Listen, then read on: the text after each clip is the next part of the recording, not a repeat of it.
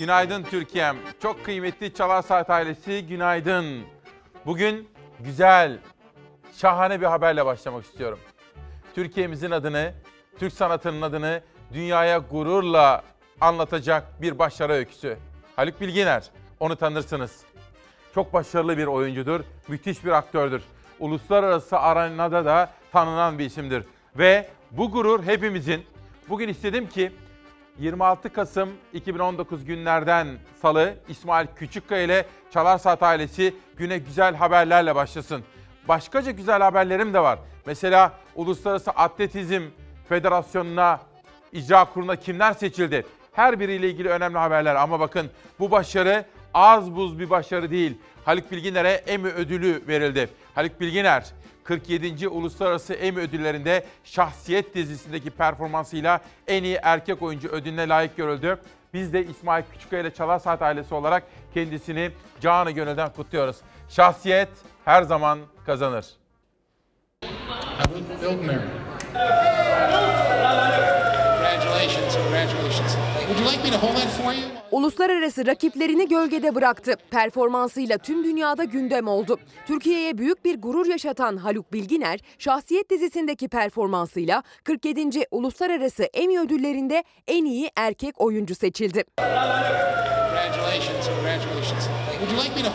Türkiye'ye bu ödül gittiği için çok mutluyum. Emmy ödüllerinin en önemli kategorilerinden birinde en iyi erkek oyuncu kategorisinde 3 oyuncuyla yarıştı Haluk Bilginer.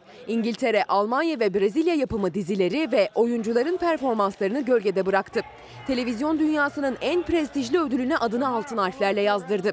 Hem Türkiye'nin hem de Türk yapımı Şahsiyet dizisinin adını duyurdu uluslararası arenada. Ama önümdeki veriler çok açık. Bu bir Alzheimer başlangıcı. It's just uh, good to know that people from all over the world appreciate what you've been doing, what you're doing. 21 ülkeden 11 kategoride 44 adayın yer aldığı listede sadece 4 oyuncu en iyi erkek oyuncu kategorisine aday olmayı başardı. Biri de Şahsiyet dizisindeki Agah Beyoğlu karakteriyle Haluk Bilginer oldu. Uluslararası alanda sayıları bini geçen jüri üyesinin oylamasıyla birinci seçildi. Şahsiyet dizisindeki performansıyla Bilginer ödüle layık görüldü. Çok severek, beğenerek yaptığımız bir işin başkaları tarafından da uluslararası e, platformda takdir edilmesi ve ödülle taçlandırılması e, çok mutlu edici bir şey. Onur Saylak'ın yönettiği, yeraltı edebiyatının genç ismi Hakan Günday'ın yazdığı şahsiyette Bilginer, yalnız bir yaşam süren Agah Bey karakterine hayat verdi. Esas hikayenin Agah Bey'e Alzheimer teşhisi konulmasıyla başladığı dizide Haluk Bilginer performansıyla göz doldurdu. Bu adamı yakalamanın tek bir yolu var. O da bu cinayetlerin neden işlediğini çözmek.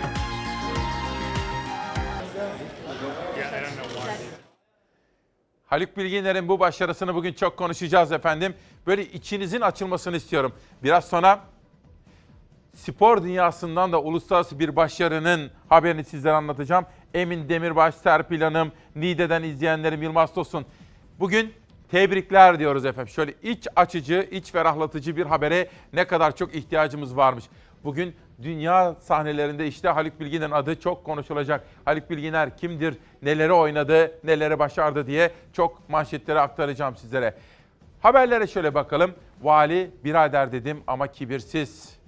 Öğretmenler Gün töreninde oturuşunu beğenmediği yerel gazete muhabirine sen öğretmen misin birader diye soran ardından düzgün otur diye azarlayan Konya valisi Hürriyet'e konuştu. İsmail Saymaz özel bir haber yapmış ve Ahmet Hakan yönetimindeki Hürriyet editörleri bu özel haberi birinci sayfaya aktarmışlar. Ablam, ağabeyim, dayı ve teyze çocuklarım da öğretmen. Öğretmenlere karşı duygularımın bilinmesini isterim. Konuşmaya gece boyunca hazırlanmışım. Salona girdik. Konuşmaya başlayacağız. En ön sırada bir kişi ayak ayak üstüne atma değil, yatar şeklinde oturmuş. Kafasını da koymuş, ayaklarını 90 derece uzatmış. Konsantrasyonum bozuldu. Siz öğretmen miydiniz dedim. Evet dedi. Birader demişim. Kibirle ilgisi yok. Kardeşçe yakışıyor mu der gibi konuştum. Fırça yok, azar yok, bağırma yok. Dışarıya çıkarma yok. Muhabir olduğunu söyleseydi üstünde durmazdım zaten. Çocuk üzülmüş. Daha yumuşak kelimelerle söyleyebilir ya da törenden sonra uyarabilirdim. Keşke olmasaydı diyor. Dün çok konuşuldu, çok tartışıldı. Tabii Konya'da bir yerel gazeteci Efendim şöyle canlandırmanızı istiyorum.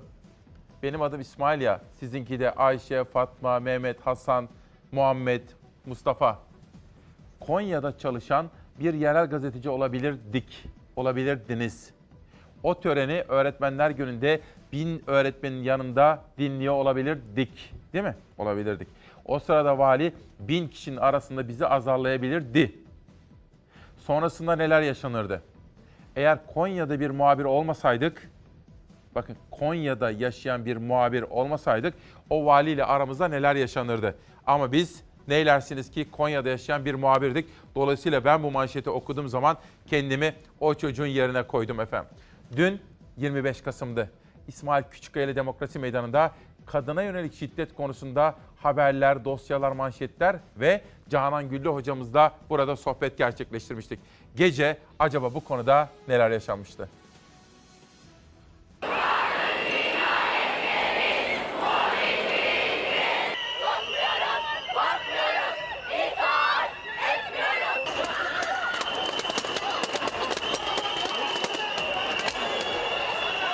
Tünel meydanında toplandılar. İstiklal Caddesi'nde slogan ve pankartlar eşliğinde yürüdüler. Ancak kadına şiddeti protesto ettikleri yürüyüşün sonunda onları şiddet bekliyordu. Kadınların yürüyüşe devam etmesine izin vermek istemeyen polis biber gazı kullandı.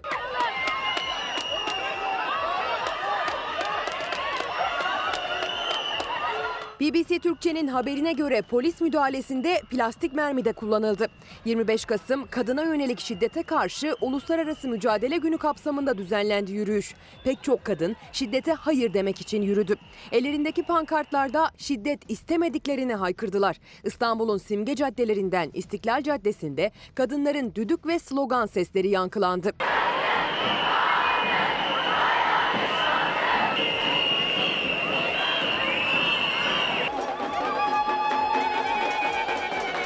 Taksim'deki İstiklal Caddesi'nin bir ucundan diğer ucuna yürümek istemişlerdi. Yürüyüş önce Beyoğlu Kaymakamlığı'nın kararıyla tamamen yasaklandı. Sonra gün içinde haber geldi. Sadece tünel meydanından İstanbul Barosu'na kadar yürüyüşe izin verildi. Yürüyüş mesafesi oldukça kısa tutuldu.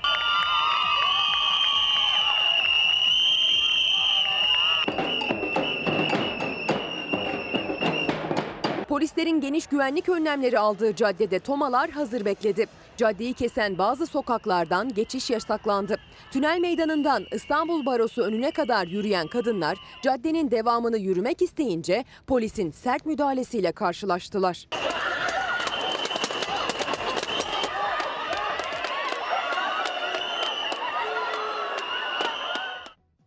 Günaydın Türkiye'm. Tebrikler dedik. Haluk Bilginer'le başladık. Bugün 25 Kasım'dan 26 Kasım'a yansıyan gecedeki gelişmeleri, kadına yönelik şiddet ve bu konuda yapmamız gerekenleri konuşacağız.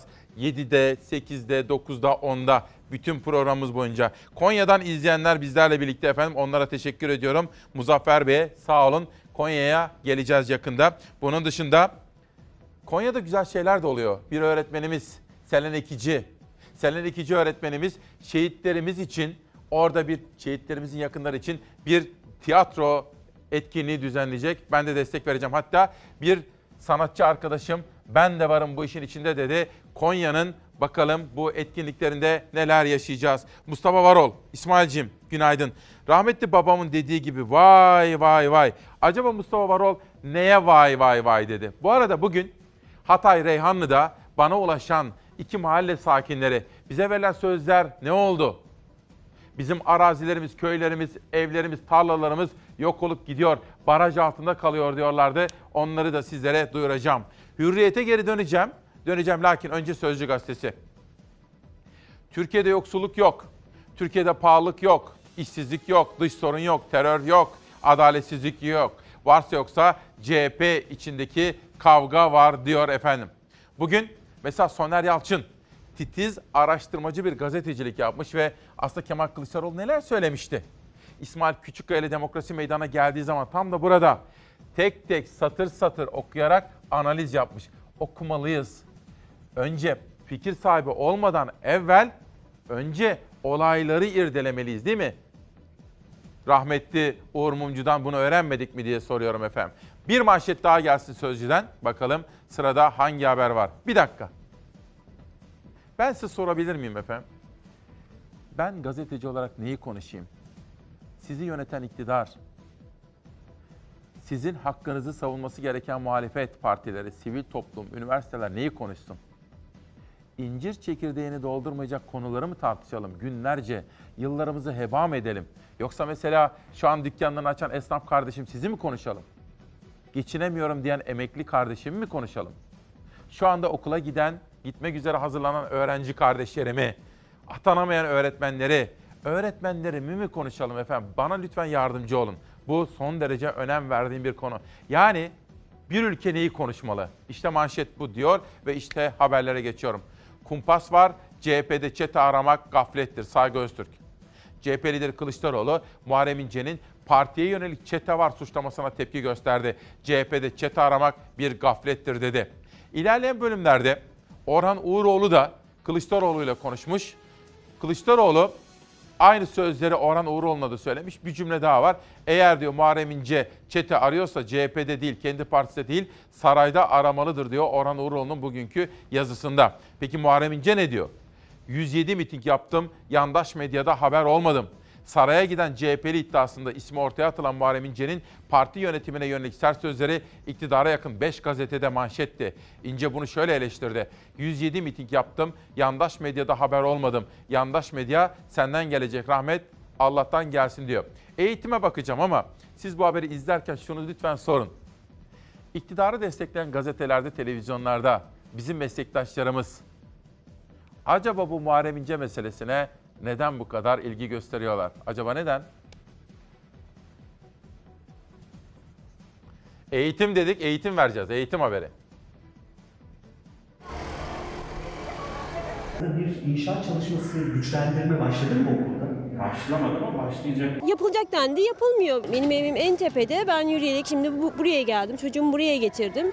Yani benim için o kadar zor ki buraya gelmek ki çocuk alışamadı. Çocuklar çok zorlanıyorlar. Okulların açılmasına bir hafta kala Eylül ayı içinde depreme dayanıklı olmadığı gerekçesiyle boşaltılmıştı okulları. Öğrenciler daha uzaktaki okullara yerleştirildi. 3 ay geçti. Ne okulları yıkıldı ne de tadilat yapıldı. Okullarının yıkılıp yerine yenisinin yapılmayacağından endişe eden veliler rant iddiasıyla tepki gösterdi. Borsanın arazisiymiş ve borsa tarafından bağışlanmış. Okul oraya yapılırken işte Milli Eğitim demiş ki bu okulun ederi kadar size toprak verilecek. O verilmemiş. Katarlara satıldığı falan konuşuluyor. Yeni eğitim yılı başlamak üzereyken İstanbul Sarıyer'deki Tuncay Artun İlkokulu için boşaltma kararı verildi. Velilere binanın riskli olduğu söylendi. Öğrenciler de apar topar başka bir okula gönderildi. Yıkım kararı çıktı. Sonra tadilat yapılacağı da söylendi. Ancak hiçbir çalışma yapılmadı bu süre içinde. Zenginlere satılmış hani manzarası güzel oldu diye. Okulların açılmasına bir hafta varken buradaki öğrenciler başka bir okula taşınmıştı. İşte o Sarıyer'deki ilkokulun içindeyiz. Hiçbir tadilat yok. Hatta bir çivi bile çakılmadı. Bir çalışma yok tabii ki. Bekliyoruz dört gözle. Oyalıyorlar bizi öyle düşünüyoruz biz. 26 Eylül'de yaşanan İstanbul depreminin ardından 29 okul hasarlı olduğu için kapatılmıştı. Birçoğu için de güçlendirme kararı verildi. O okulların çoğunda hiçbir inşaat çalışması başlatılmadı. İşte güçlendirme kapsamına alınan İstanbul Beşiktaş'taki Süheyla Artam İlkokulu. Buradaki öğrenciler de okulda çalışma yapılacak diye 5 kilometre uzaktaki başka bir okula nakledildi ama okulda herhangi bir çalışma henüz başlamadı. Güçlendirme başlayacak denildi. Biz hala bekliyoruz. İl Milli Eğitim Müdürlüğü yetkilileri ileri tetkiklerin sürdüğünü söyledi. Net bir süre vermedi. Çocuklarımız güvenli bir şekilde çalışmalı. Efendim bugün tebrikler dedik. Kasım'ın 26'sında Haluk Bilginer Emmy ödülü kazandı. Müthiş bir prestij. Bu sabah işte bunu konuşacağız. Sizler ne düşünüyorsunuz? Çok merak ediyorum. Orhan Fikri Kaya, İsmail Bey diyor. 6000 sayılı kanundan emekli uzman çavuş özlük haklarını kaybetmiş. 3000'e yakın uzman çavuşumuz var. Bunu gündeme getirir misiniz diyor efendim. Sözcüden bir haber daha sonra sabaha geçelim. Özür diliyorum. Haber kaynağım olan 20 yıllık gazeteci arkadaşıma güvenerek kulis bilgisi niteliğinde iç sayfada yazdığım yorum haberle Türkiye'nin gündemini bu kadar meşgul ettiğim için son derece üzgünüm. Doğru olmadığı anlaşılan haberde adı geçen İşte haberde adı geçenlerden özür diliyor ve bir hata yaptık diyor Rahmi Turan. Sözcüğü şimdilik bir tarafa bırakıyor ve Sabah gazetesine geçiyorum efendim. Sabah gazetesindeki haberlerde bir kadın haberi var önce. Bakın Biyanet, kadına yönelik şiddet ve toplumsal eşitlik konusunda önemli çalışmaları vardı. Kadına şiddetin mahremi olmaz. Bugün Emine Hanım kadına yönelik şiddeti önleme konusunda bazı açıklamalarıyla gündemde. Akit gazetesinden iki ayrı yazar da kendisini eleştiriyor. Onu da şimdi burada söylemiş olalım. Bakalım Emine Hanım Sabah gazetesinin manşetinde ne diyor? Emine Erdoğan, kadına yönelik şiddete karşı mücadele günü programında konuştu. Dünyada her gün 137 kadın öldürülüyor. Bırakın kadınların bir damla kanının dökülmesine, bir damla gözyaşına toleransımız yok. Erkekler kadınları mülk edinemez. Şiddet aile arasındaki mahrem alan kavramıyla meşrulaştırılamaz. Kol kırıldığında yen içinde kalmamalı diyor. Doğrusu ben o konuşmaları canlı canlı da izledim. Sonra metinlerden de okudum. Emine Hanım, Emine Erdoğan doğru yerden bakıyor meseleye ve doğru önemli açıklamalarda bulunuyor. Ama Akit gazetesinin iki yazarı kendisini bugün eleştirmiş. Hatta yazarlardan bir tanesi acaba Emine Hanım'ın o konuşma metnindeki bu cümleleri kim yazdı diye de bir soru ortaya koymuş. Ama biz altını çizelim. Emine Hanım'ın durduğu yer doğru bir yer. Kadın meselesi çözülmeden Türkiye'nin kangren haline gelmiş sorunları çözülemez. Kaç tane kadın öldürülüyor? Hemen bırakıyorlar, serbest bırakıyorlar. Bitsin yani yapılabilecek ne varsa yapılsın. 2009 yılından bugüne öldürülen kadınların çetelesi tutuldu. Her ay, her yıl öldürülen, yaralanan, istismara uğrayan yüzlerce kadının adı o çeteleye yazıldı ve ortaya çıkan manzara dudak uçuklattı. Biz erkekler 2019'un 324 gününde 302 kadını öldürdük. 532 kadına şiddet uyguladık. Biyanet internet haber sitesinin editörleri şiddetin çetelesini tuttu. 25 Kasım kadına yönelik şiddete karşı Uluslararası Dayanışma Günü öncesinde yıllardır tutulan çetele yayınlandı. O çeteleye göre 2010 yılında 217 kadın, 2011'de 257, 2012'de 165, 2013'te 214, 2014'te 281, 2015'te 284, 2016'da 261, 2017'de 290, 2018'de 255 ve 2019 yılının ilk 11 ayında 302 kadın erkekler tarafından öldürüldü. Bu sayıya şüpheli ölümler dahil edilmedi. Bizim çetelemizde e, şüpheli ölümler, intihara sürüklenen kadınların haberleri yer alıyor ama e, sayıya dahil etmiyoruz. Yani tamamen toplumsal cinsiyet perspektifi üzerinden hazırlıyoruz. Yerel ve ulusal gazetelerden, haber sitelerinden ve ajanslardan derledikleri haberlerden oluşturdular utanç çetelesini. Birer sayı olarak listeye dahil olan kadınlar geride pek çok gözü yaşlı anne, evlat ve sevenlerini bıraktı. 2019 yılı örneği üzerinden meseleye mercek tutulduğunda kadınlar çoğunlukla eski kocaları, sevgilileri ve eski sevgilileri tarafından öldürüldü. Ve neredeyse tamamına yakını tanıdığı hatta ailesinden bir erkeğin şiddetine kurban gitti. Ve kadınların yaklaşık yarısının canı bireysel ateşli silahlarla alındı. Listedeki her bir sayı bir kadının hayatını temsil etti. Biz bu sorunu her ay her ay hatırlatarak aslında yetkililerin de e, bu soruna çözüm bulmasını ve öncelikli olarak İstanbul Sözleşmesi'nde uygulamasını istiyoruz. Kadın ölümleri çetelesini hazırlayan editörler Türkiye'de kadın cinayeti münferit değildir dedi, yetkilileri göreve davet etti. İzmir'den bir hukukçu bakın. Tülay Aktan da diyor ki şiddetin boyutları korkunç ve siz de sabahları bu konuyu gündeme taşıyorsunuz. Teşekkür ediyorum diyor. Tülay Hanım'a teşekkür ederim. Bir de eleştiri. Atilla Çakmak. İsmail Bey günaydın. Haluk Bilginer'e sevindik. Tebrikler dedik ya. Viyana'dan sizi selamlıyorum. Umut Camkıran bir Dersimli. Avrupa Ağır Siklet Boks maçı şampiyonluğu kazandı. Haber yapmadınız diyor. İnanın bilmiyordum. Editörüm Zera'ya hemen söyledim. Notlarını aldı. Yarına bu konuyu araştıracağım. Söz veriyorum efendim. Sabahta bir haber daha gelsin. Cumhurbaşkanı Erdoğan dün Katar'a gitmişti. Katar'da bir Katar'ı vereceğim. Sonra buraya döneceğim arkadaşlar. Katar manşeti. Katar'la 7 dev anlaşma yapıldı. Ekonomiden turizme, enerjiden ticarete, yatırımlardan savunmaya birçok anlaşma imzalandı denilmekte. Biraz sonra Sabah ve Sözcü'nün Muharrem İnce meselelerine dair haberlerini ve köşe yazılarından alıntıları da yapacağım. Bizimkiler Katar'ı Hani ne derler sık sık gidiyoruz ya oraya. Sık sık gidip geldiğiniz zaman bir tabir vardır. O tabiri size haberin dönüşünde söyleyeceğim. Neden biliyor musunuz? Aklıma gelmedi ondan.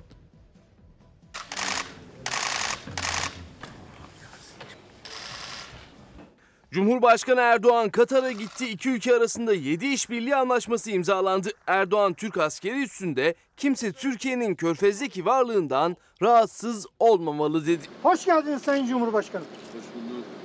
Sağ olun Sayın Cumhurbaşkanım. Sağ olun Sayın Cumhurbaşkanım. Hiç kimse ülkemizin bu coğrafyadaki mevcudiyetinden rahatsız olmamalı. Cumhurbaşkanı Erdoğan ve beraberindeki heyet dün öğle saatlerinde Katar'ın başkenti Doha'da bulunan havalimanına ulaştı. Erdoğan'ı burada Katar Başbakan Yardımcısı karşıladı. Erdoğan'ın ziyaret sebebi iki ülke arasındaki ilişkileri geliştirmek için 2014 yılında kurulan Türkiye-Katar Yüksek Düzeyli Stratejik İşbirliği Konseyi'nin 5. toplantısına katılmaktı. Önce o toplantılar yapıldı. Ardından iki ülke arasında 7 ayrı anlaşma imzalandı.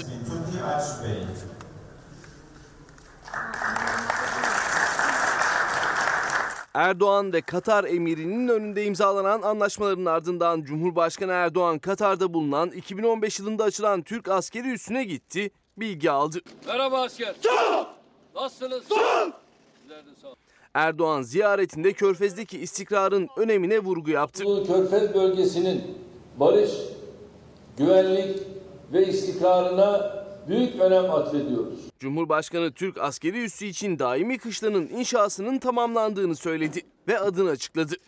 Komutanlığımızın daimi olarak konuşlanacağı yeni Tarık Bin Ziyad Kışlası'nın inşası tamamlandı ve bugün bu kışlamızın adını da evet Savunma Bakanımızdan öğrendik.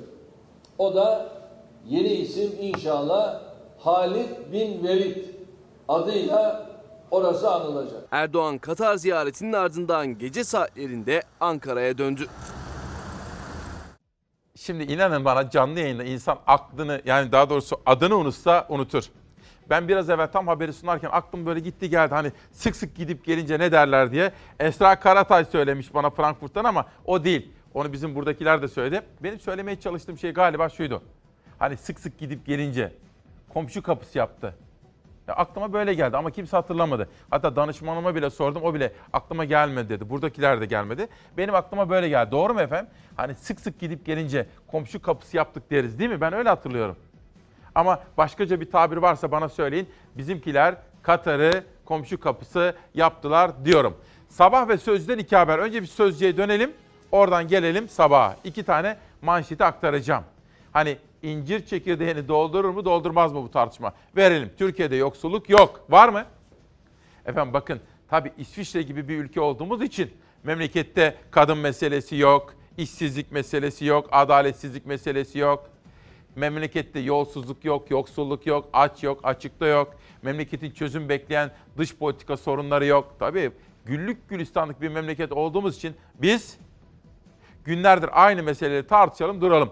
Dün akşam ben de haber kanallarını dolaşıyorum efendim. Yani vallahi heyecanlı bir film gibi böyle. Ama yer yer gerilim filmi gibi. En son Uğur Dündar abimiz bile yurt dışından bağlandı da bir tartışma başladı.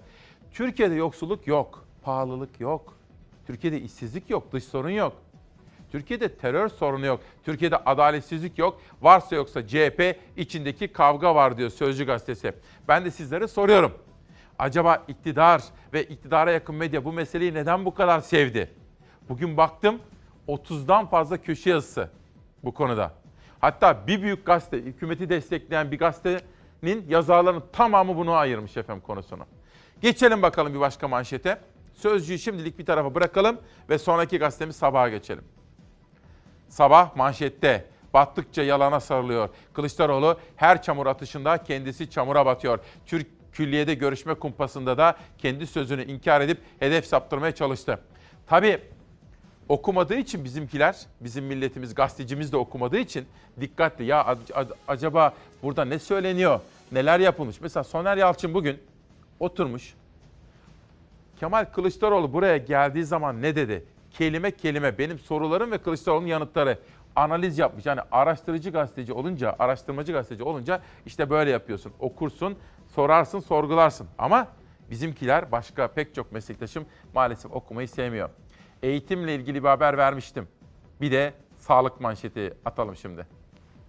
bir uluslararası hizmet veren ve yüksek teknolojiyle çalışan şimdi bir sistem kurmak istedik. 18 yıllık tip 1 diyabetliyim. Artık şekeriniz yükseldiğinde ve düştüğünde müdahale edebiliyorsunuz.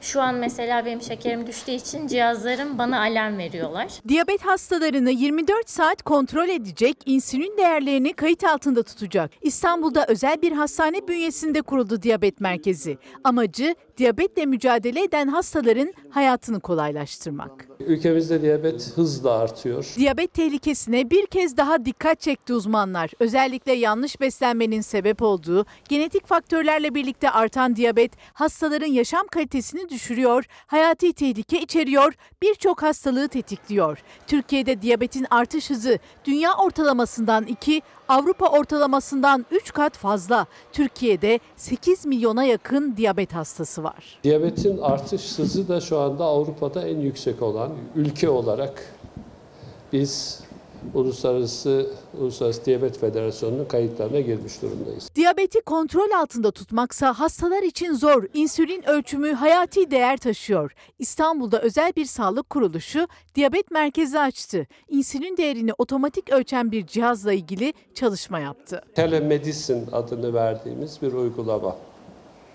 Bu e, diyabetli hastayı e, uzaktan takip sistemi. Cihaz hastaların insülin değerini her 2 dakikada bir otomatik olarak ölçüyor ve mobil uygulama sayesinde hastaya, hasta yakınına ve diyabet merkezine haber veriyor. Böylece insülin değerleri kontrol altına alınıyor. 17 yıldır tip 1 diyabet hastasıyım. Bir buçuk yıl kadar önce en son teknolojisi olan insülin pompasını kullanmaya başladım. En iyi şeker değerlerine e, o son cihazdan ulaştım diyebilirim.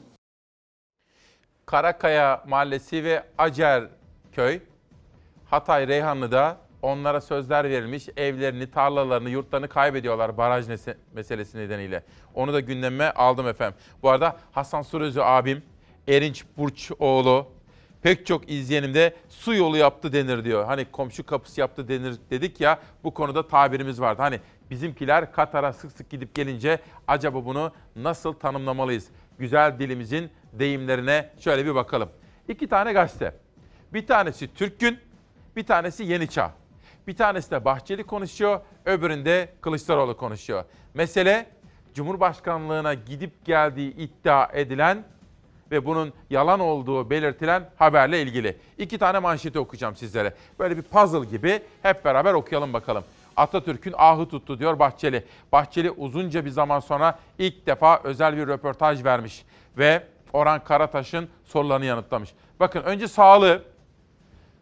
Sağlığım Allah'a şükür iyidir diyor. Kendisine biz de geçmişler olsun diyoruz. Bu arada bakın kumpasla ilgili şu meselesi bugün çok konuşulur. Bakalım ne diyor?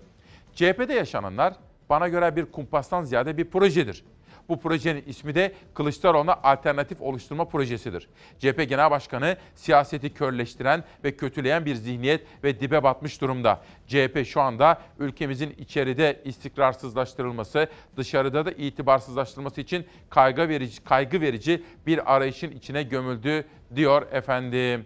Gazetenin genel yönetmeni Orhan Karataş uzunca bir zaman sonra ilk defa bir özel röportaja imza atmışlar efendim bakın. Bahçeli uzun zaman sonra ilk defa konuşmuş ve Türk Gün Gazetesi. Geçelim Yeni Çağ'a. Acaba Akşener cephesinden bakınca nasıl gözüküyor? Yeni Çağ, çete iddiası gaflet ve bühtandır. Bu kez konuşan kişi Kılıçdaroğlu'la konuşan Orhan Uğuroğlu. Muharrem İnce'nin açıklamaları için bu değerlendirmeyi yapan CHP lideri Kılıçdaroğlu iktidarın kumpas kurduğunu, partide kaos yaratmak istediğini söyledi. Gündemi değiştiren bir CHP'linin Erdoğan'la görüştüğü iddiası üzerine başlayan tartışmada tansiyon yükseldi. Kılıçdaroğlu, Muharrem İnce'nin açıklamalarına çok fazla girmek istemiyorum dedi. CHP kadroları Kuvayi Milliye ruhu ile millete hizmet etmeyi vazife edinir. Cumhuriyet Halk Partisi içinde çete var demek gaflet ve bühtandır. Bakın burası doğrudan Muharrem İnce'nin sözlerine bir yanıt. Cumhuriyet Halk Partisi içinde çete var demek gaflet ve bühtandır. İnce çete arıyorsa saraya baksın dedim. İki ayrı gazete, iki ayrı lider, iki röportaj ve işte ortaya çıkan tablo bu.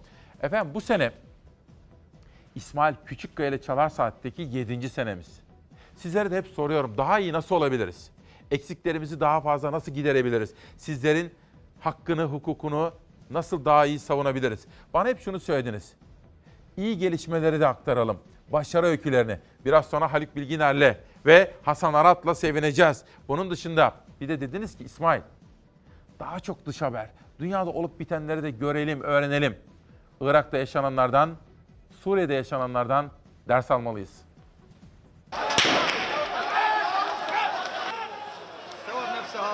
Komşuda eylemciler ve polis arasındaki çatışmalar dinmek bilmediği protesto gösterilerinde kan akmaya devam etti. En az 300 kişi hayatını kaybetti. Irak'ta 1 Ekim'de başladı işsizlik ve yoksulluk protestoları. Başta başkent Bağdat olmak üzere sokaklar savaş alanına döndü. Irak hükümeti önce sert yöntemler izledi. Sokağa çıkma yasağı ilan etti, internet erişimini kesti. Eylemcilere karşı alınan sert önlem fayda getirmedi. Hükümet yoksullara destek sözü verdi. İktidardan geri adım gelince protestolar dindi ama net hamleler yapılmayınca eylemler yeniden patlak verdi. Ekim sonunda yeniden başlayan protestolarda şiddetin dozu giderek arttı. Göstericiler polisle çatıştı. Polis eylemcilere gerçek mermiyle ateş açtı.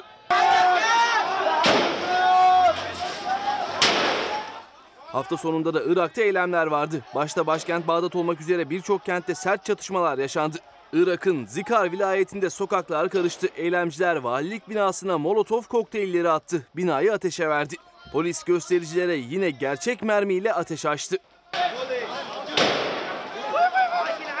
Sadece bu hafta sonunda en az 13 kişi hayatını kaybetti. 1 Ekim'den bu yana ise ölenlerin sayısı 300'ü aştı. 15 binden fazla kişi yaralandı. Bakın İran, Irak, İran'da 136 kişi öldü. Suriye, bugün Milli Gazete manşet atmış. İç barışımızın kıymetini bilelim. Vatanımızın, yurdumuzun kıymetini bilelim. Bu ülke hiç kimsenin değil. Bu ülke hepimizin. Hepimiz eşit vatandaşlarız.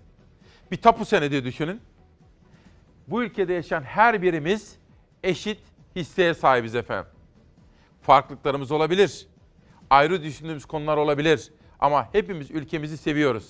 Konuşarak, müzakere ederek dertlerimizi çözmenin yolunu bulmalıyız diyorum. Alya, Alya kardeşim de uyanmış. Günaydın. Kendisini de selamlıyorum. Biraz sonra fotoğrafını göstereceğim. Ona söz vermiştim. Cumhuriyet, savcı acil 10 bin lazım diyor. Cumhuriyet gazetesinden Seyhan Avşar isimli manşet haber okuyalım.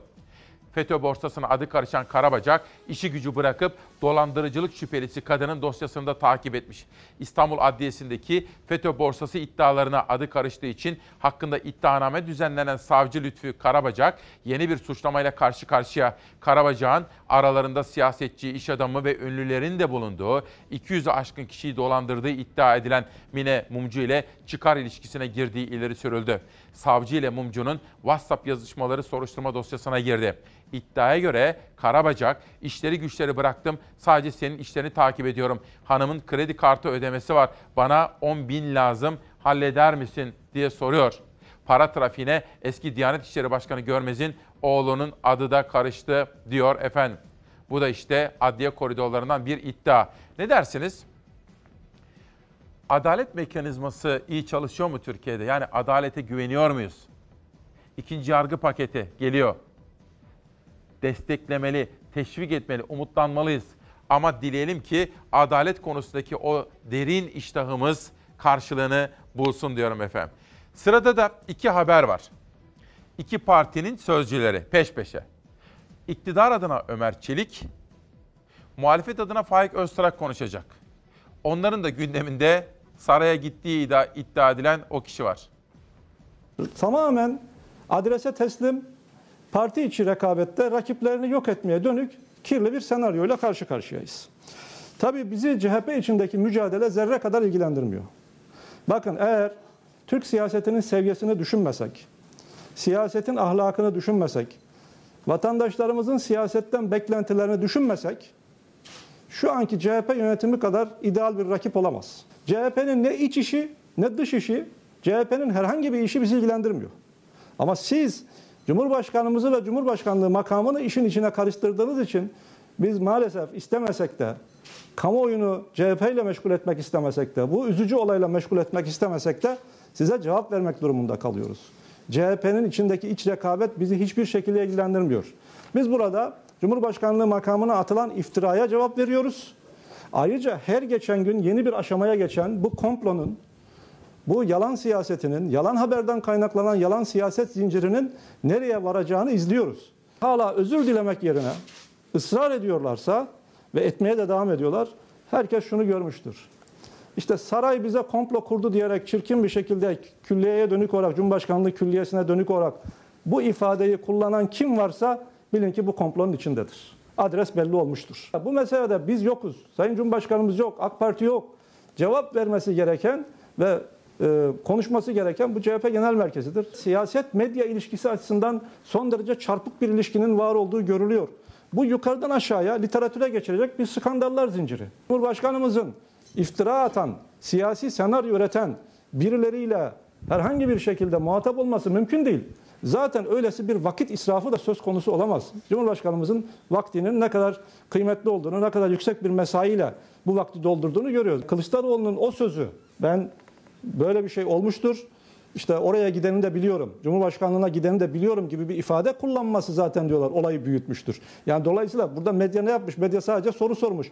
İkincisi medya şu anda işi göstermekten başka bir faaliyetle yürütmüyor. Yani orada bir gazeteci var. Bu yalan haberi yazdı. O dedi ki ben yanlış yapmışım, hata yaptım. Başka bir gazeteciyi kaynak gösterdi. O gazeteciyi kaynak gösterdikten sonra o da dedi ki bana bunu bir CHP'li getirdi. O CHP'li de CHP Genel Başkanı'ndan teyitli olarak getirdi. Şimdi bunun burada medyanın suçu ne? Medya sadece bunu gösteriyor. Tabii şunu da görüyoruz. İktidarı destekleyen gazetelerdeki arkadaşlarımız, meslektaşlarımız bu konuyu müthiş sevdiler ve ballandıra ballandıra bu konuyu tartışmayı seviyorlar. Bunu da görüyoruz. Yavuz diyor ki sevgili İsmail, Türkiye'de siyasi olarak yapılan en güzel şey gündem yaratmak diyor. Emeği geçenlere tebrikler diyor. Osman, abi işsizim, işsiz, açım diyor bakın. Geçen hafta sizlere göstermiştim değil mi? Profesör Hurşit Güneş ne diyordu? İsmail diyordu, gerçek işsizlik söylenenden daha fazla. Neden hocam dedim?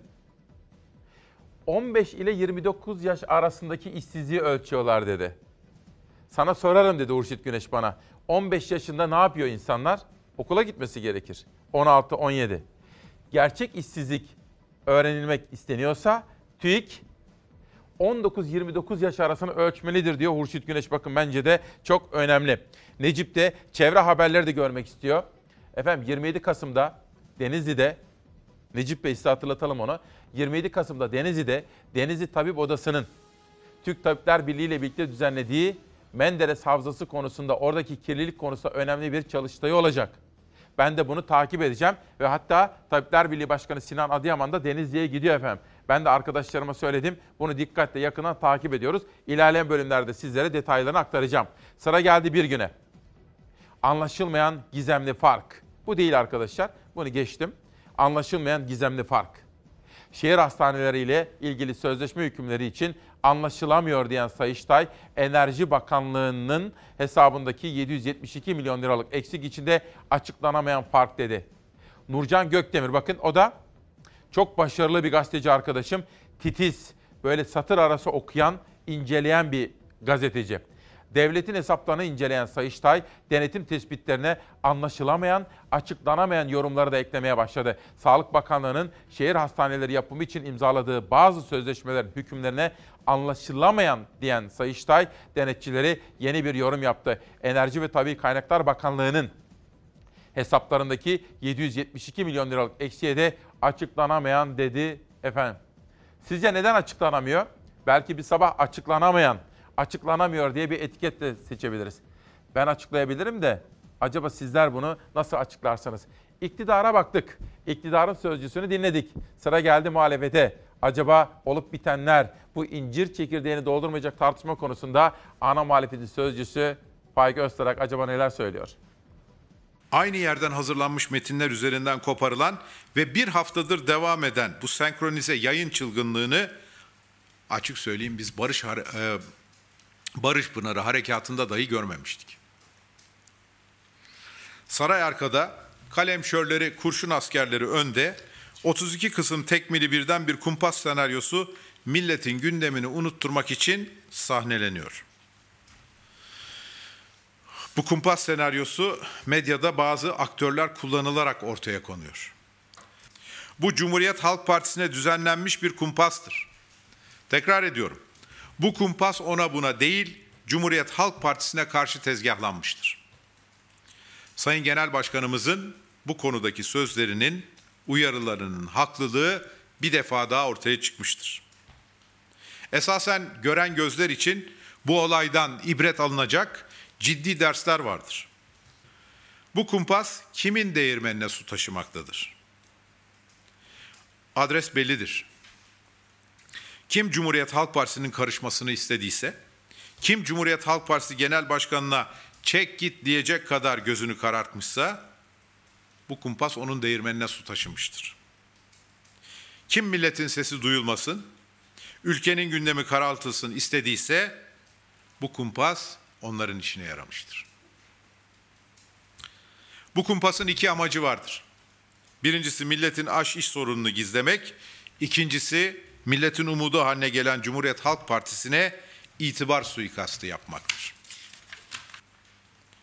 Bir tek Cumhuriyet Halk Partisi ruhunu hiç anlamayanlar, bu ruhu hiçbir zaman işlerine sindiremeyenler, Cumhuriyet Halk Partisi'nin içinde çete arama gafletine düşebilir.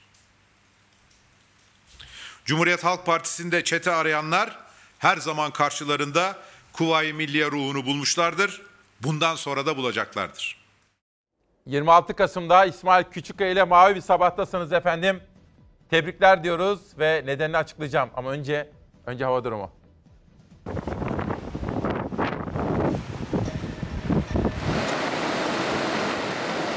Ege'ye beklenen sağanak yağmur ve fırtına geldi. Yağışlar tüm batı illerini etkiledi.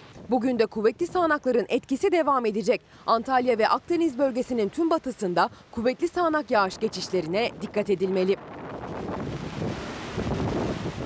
Bugün Akdeniz kıyısının gözde tatil şehri Antalya'da yağmur ve rüzgar şiddetli olacak. Sel, su baskını ve taşkın yaşanabilir. Denize açılmak tehlikeli olacaktır. Dikkatli olunmalı. Haftanın ilk iş gününde ise Ege kıyılarında etkili oldu kuvvetli sağanaklar. Gün boyu ve gece saatlerinde zor anlar yaşattı. Muğla'nın Bodrum ilçesinde gündüz başlayan fırtına beraberinde sağanak yağış getirdi. Bazı cadde ve sokaklarda su baskınları yaşandı. Komşu ilçe Marmaris'te de benzer manzaralar vardı. Fırtına ağaçların devrilmesine neden oldu. Gece saatlerinde ise Marmaris'te yağmur sele dönüştü. Bahçeler ve yollar suyla dolarken yol kenarlarında istinat duvarlarında çökmeler yaşandı. Su baskınlarına bağlı kazalar meydana geldi. İzmir'de de cadde ve sokaklar kuvvetli yağmurun etkisiyle suya gömüldü. Neredeyse diz boyunda yağmur suyuyla dolan yollarda sürücüler ve yayalar zor anlar yaşadı. Ege bölgesinin genelinde bugün de hava yağışlı olacak. Yağışlar bugün Marmara, Ege, İç Anadolu'da ve Akdeniz'le Karadeniz bölgelerinin batı ve orta kesimlerinde etkili olacak. Kuvvetli sağanak yağışlar Akdeniz bölgesinde bugün hayatı zorlaştıracak. Sağanaklar gün içinde Antalya'da ve kuzey kesimlerinde görülecek. Akşam saatlerinde Akdeniz bölgesi tamamen yağışın etkisine girecek. Bugün Akdeniz'de fırtına ve beraberinde gelecek kuvvetli sağanak yağış geçişlerine karşı dikkatli olunmalı. Kuvvetli sağanaklar çarşamba günü de devam ediyor. Çarşamba günü batı kesimlerde yağış hafifliyor, ihtimaller zayıflıyor. Doğuda ise yağışlı hava kuvvet kazanıyor. Çarşamba Doğu Anadolu'da yükseklere kar ve karla karışık yağmur beklenirken Güneydoğu Anadolu'da kuvvetli yağmurlar görülebilir. Dün yoğun çalıştım danışmanımla uzun uzun çalıştım. Ekip arkadaşlarımla konuştum. Sabah 4'te kalktım manşeti değiştirdik. Etiketi değiştirdim. Tebrikler dedik. Neden biliyor musunuz? Haluk Bilginer. Şu anda dünyada renkli camla ilgili herkes bunu konuşuyor efendim. Onu anlatacağım size. Bu arada bir tebrikler var bize de. Yasemin Hanım teşekkür ediyorum. Biz ülkenin gerçek gündemine bakıyoruz. Bir de eleştiri var. Ozan İşleyen. Sen hakikaten değişiksin ya diyor. Biraz dürüst ol diyor. Objektif ol diyor. Vallahi güzel kardeşim dürüstlüğümüzü hani biz burada anlatacak değiliz. Ayıp olur. Ama herhalde halkımız her şeyi takdir ediyor diyelim. Kocaman bir tebrik. Şahane bir haber ve Haluk Bilginer'le gurur duyuyoruz. Tebrikler.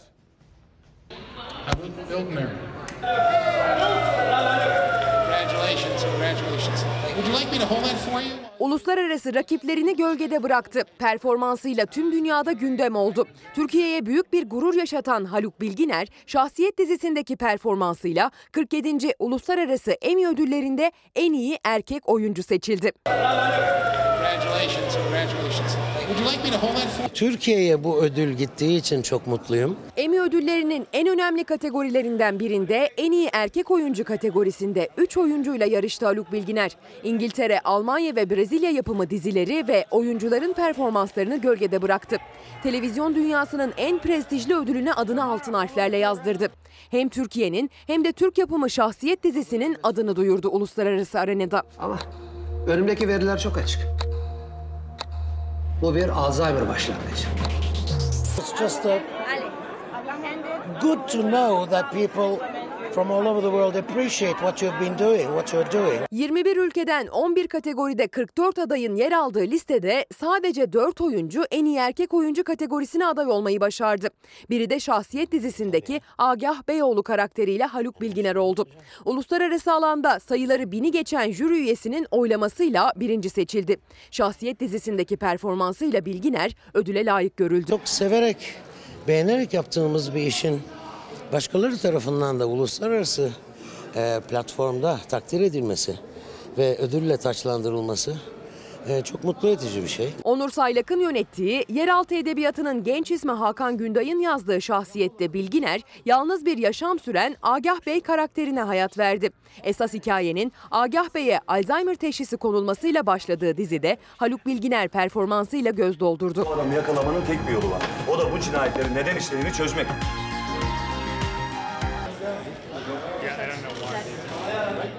Yani inanın bana öyle böyle güzel bir haber değil bu. Biraz sonra Hasan Arat. Benim dikkatle takip ettiğim uluslararası arenada spor dünyasında tanınan bir isimdir. Onun da bir başarısı var. Onu da sizlere aktaracağım efendim. Orhan Ad.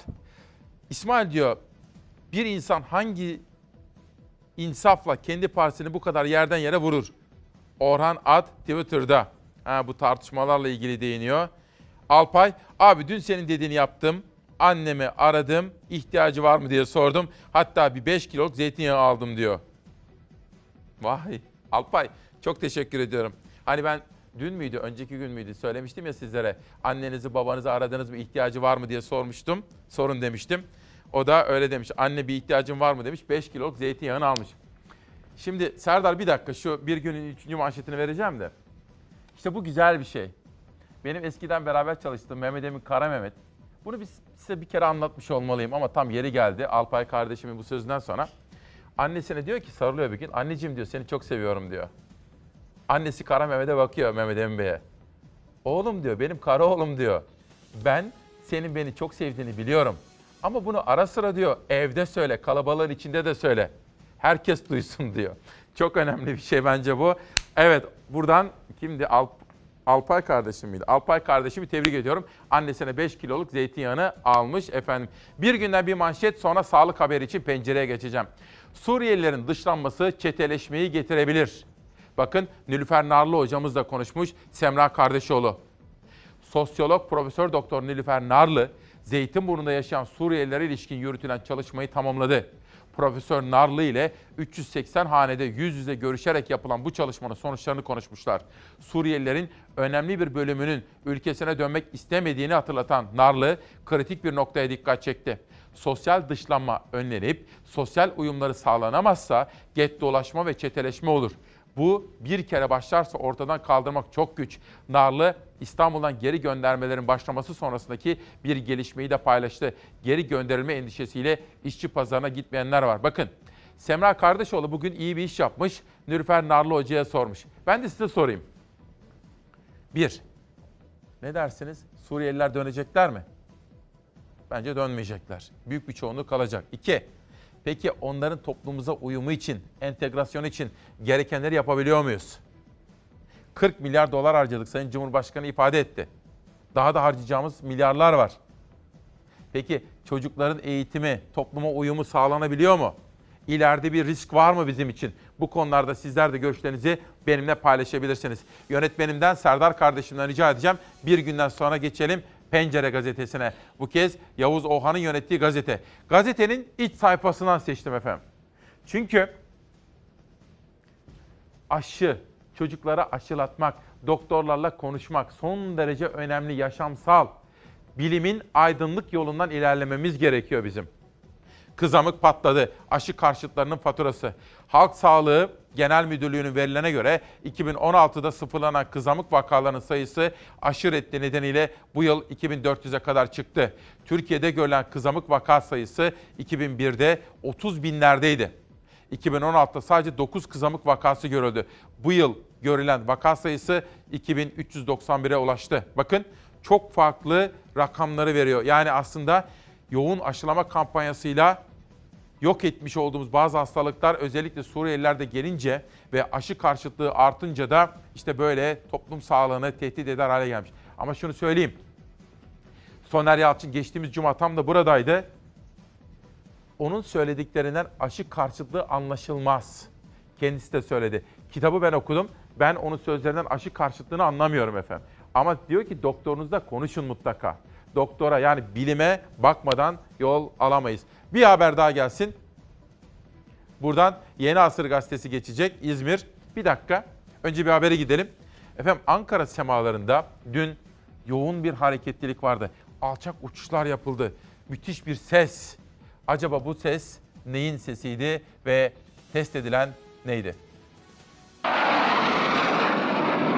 Valilik önceden uyarıp kimse tedirgin olmasın dedi. Ankara semalarında F-16 savaş uçakları uçtu. Savunma Sanayi Başkanlığı'nın devam eden projeleri kapsamında test uçuşları yapıldı.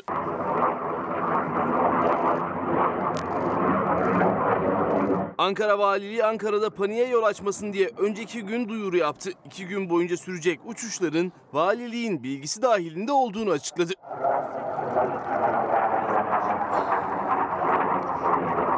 Savunma Sanayi Başkanlığı bünyesinde yürütülen projeler kapsamında başkent Ankara'da F-16 savaş uçakları başta olmak üzere hava araçları dün kent üzerinde uçtu. Yüksek ve alçak irtifada uçan F-16'lar kameralara böyle yansıdı.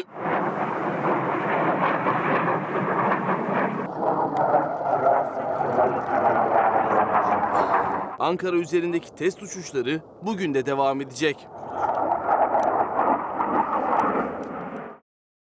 Ülkemizin gerçek gündemini konuşuyoruz. Bu vesileyle hastane odalarından bizi izleyenler var.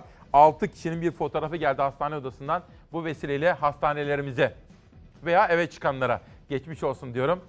Ve bu vesileyle yeniden doktorlarınızı, hemşirelerinizi, hasta bakıcılarınızı ve özellikle refakatçinizi sizlere böyle özenle bakan fedakar eşler, çoluklar, çocuklar, yeğenler, akrabalar veya tanıdıklarınız onları canı gönülden kutluyorum. Bugün 14 ayrı kitap tanıtacağım. Bunlardan bir tanesi eğitimde politika analizi.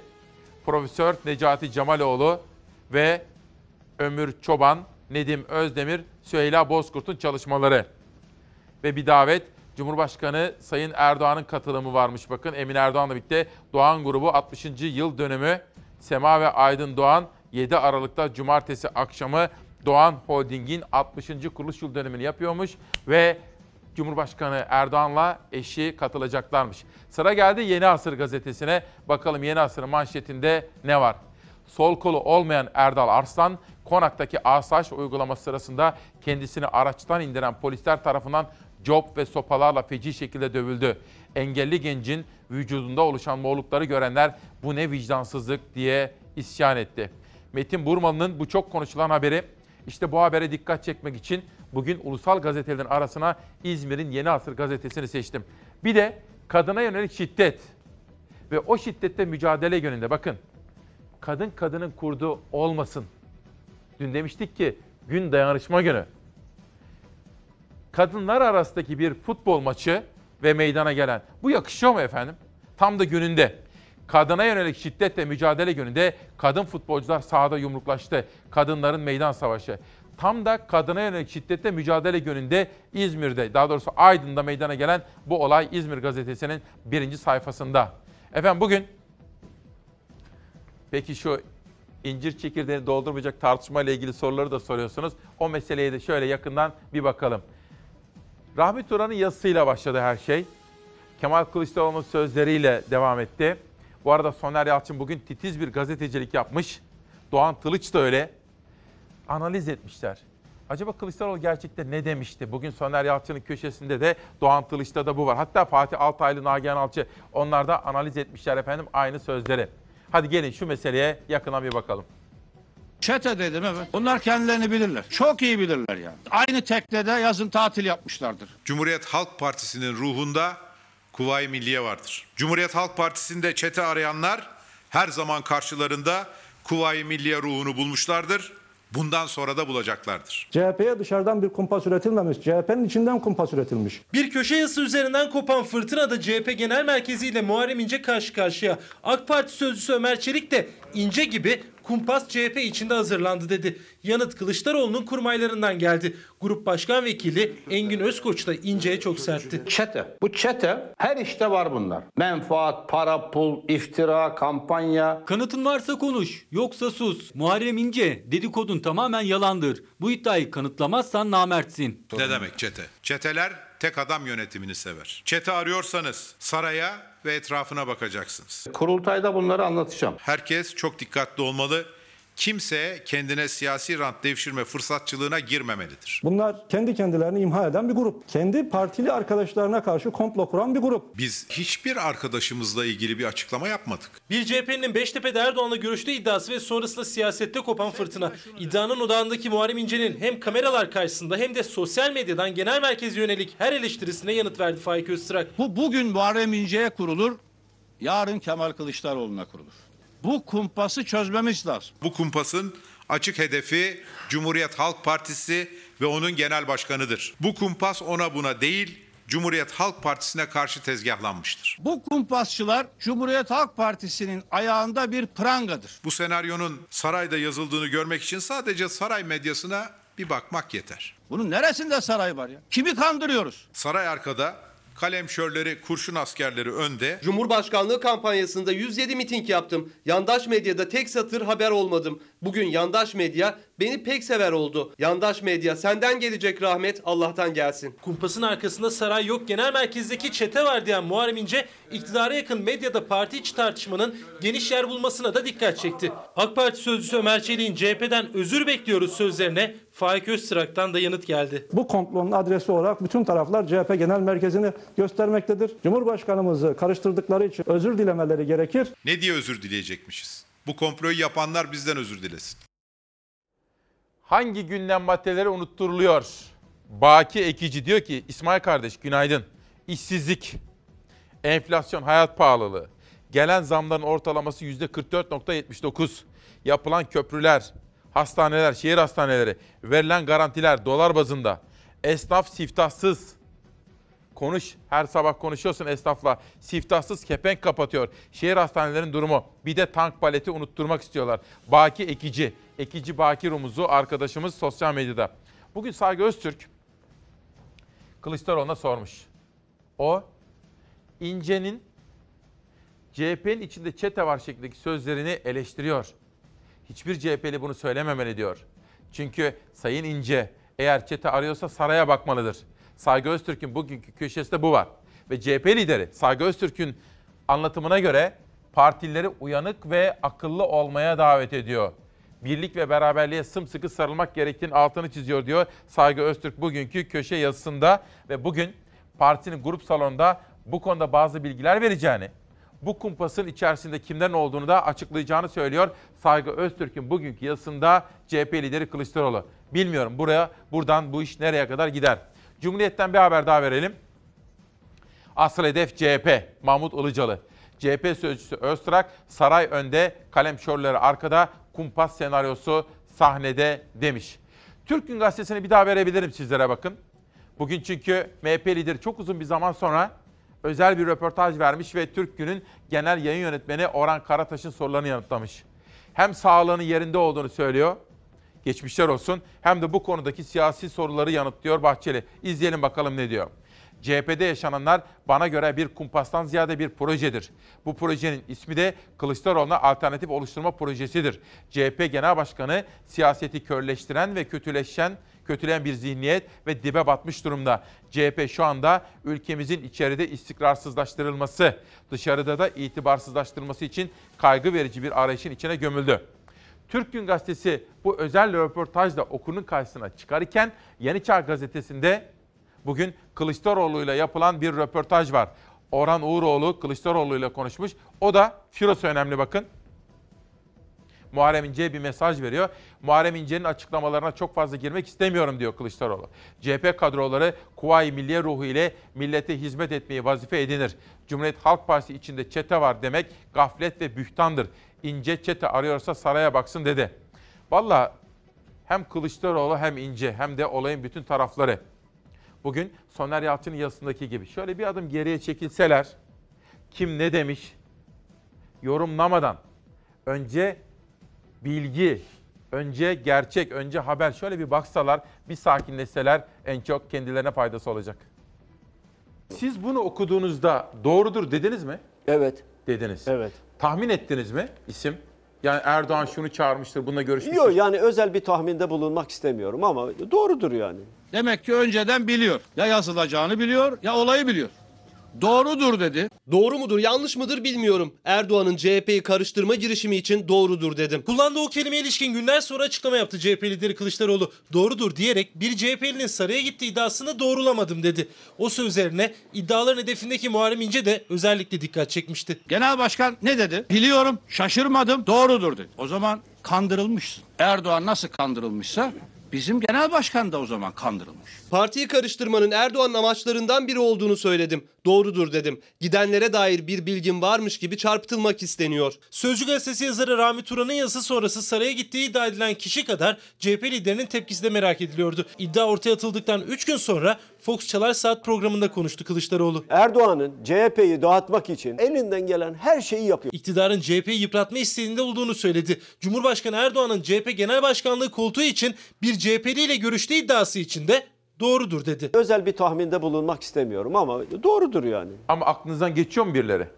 Ee, isim vermek istemem. Ben bunu görünce eyvah dedim parti şimdi bir kaosun içine gidecek. Kılıçdaroğlu'nun sözleri Beştepe görüşmesine doğruladı şeklinde yorumlandı. İddianın sahibi gazeteci o isim Muharrem İnce deyince genel başkanla CHP'nin Cumhurbaşkanı adayı bir kez daha karşı karşıya geldi. Erdoğan'ın CHP'yi karıştırmak ve partinin iç işlerine müdahil olmak için birçok şey yaptığını biliyoruz. Millet İttifakı'nı karıştırmak, dedikodu üretmek ve devletin yetkililerini kullanmak gibi. Böyle bir şey olunca doğrudur dedim. Bir yorumdur. 8 dakika 19 saniye kendisiyle konuştum cep telefonunda.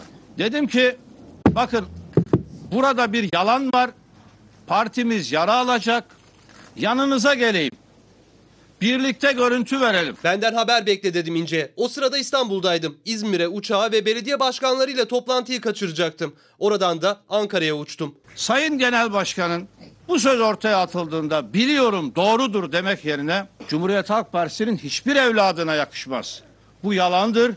Ben buna inanmıyorum demesini beklerdim. Kılıçdaroğlu Hürriyet Gazetesi'nden İsmail Saymaz ve Cumhuriyet Gazetesi'nden Orhan Bursalı'ya konuştu. Siyaseti ve CHP'yi sarsan iddiayı hiçbir zaman doğrulamadığını söyledi. Ama İnce ile karşı karşıya geldi. İkili yakın zamanda bir araya gelecek mi? Zaman gösterecek.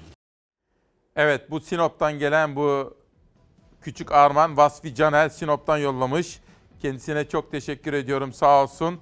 Ülkemizin gerçeklerini sadece sizden öğrenebiliyoruz demiş. Aynısını bir de Fatih Portakal kardeşim için yapmış. İşte bir İsmail Küçükkaya bir de Fatih Portakal'a.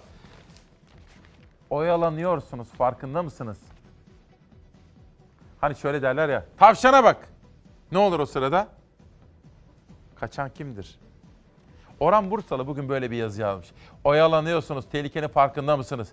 Türkiye'deki yoksulluk, yolsuzluklar ve işsizlik rakamlarını irdelemiş, analiz yapmış. Ve peki bunlar konuşuluyor mu diye bir soruyu da ortada bırakalım. Bu arada Fatih Altaylı bu akşam Ali Babacan'ı ağırlıyor. Yeni parti kurma çalışmalarını sürdüren, Abdullah Gül'ün de desteğini alan, pek çok kişiyle sürekli görüşerek onlara partiye katılma teklifinde bulunan Ali Babacan bu akşam Tekedek'te Fatih Altaylı'nın sorularını yanıtlayacak efendim. Acaba AK Parti cenahında, muhafazakar camiada neler olacak? Yeni parti ile ilişkin hangi açıklamalar yapacak Ali Babacan? Bu akşam izleyeceğiz onu. 100 soruda Sarıkamış Harekatı Profesör Doktor Tuncay Öğün.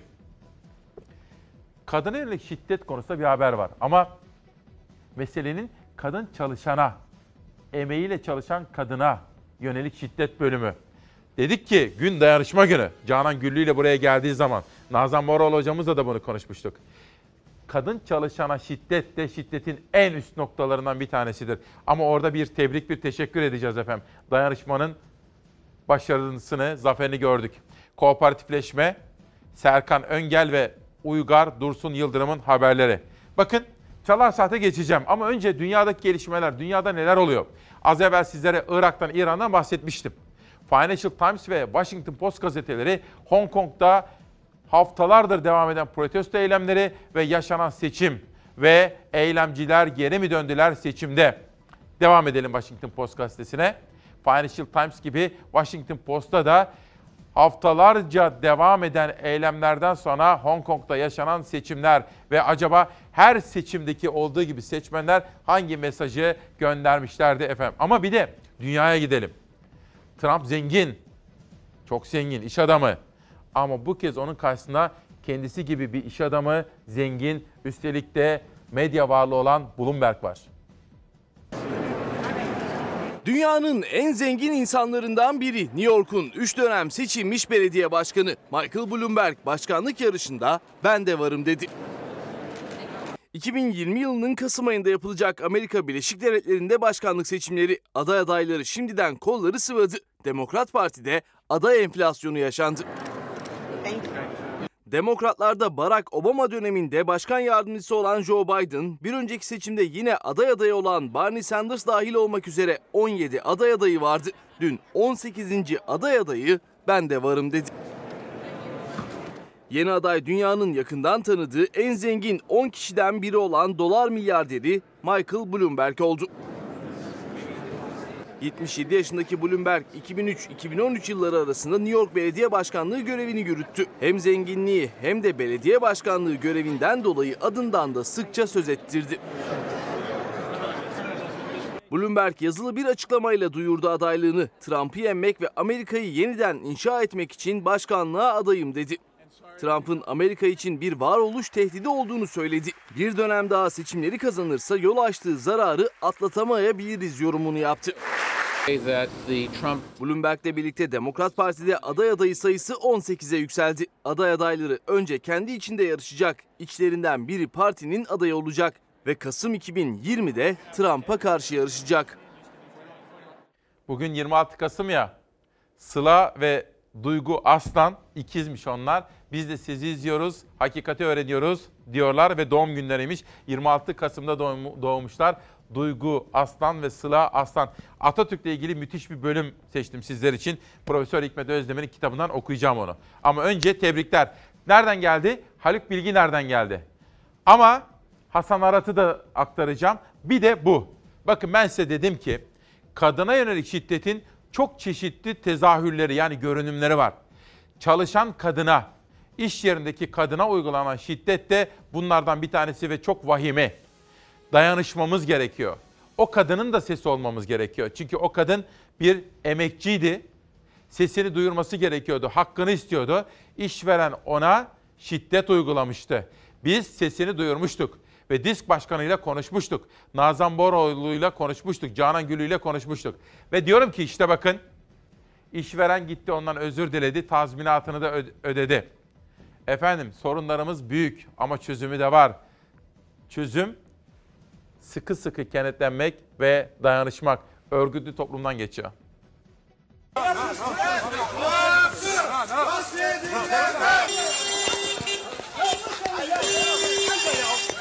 Bizi dinlemeyi tercih etmeden bize saldırdılar. Kadın işçiye saldıran patron yayınladığı açık mektupla kamuoyundan özür diledi, işçinin kıdem tazminatını ödedi.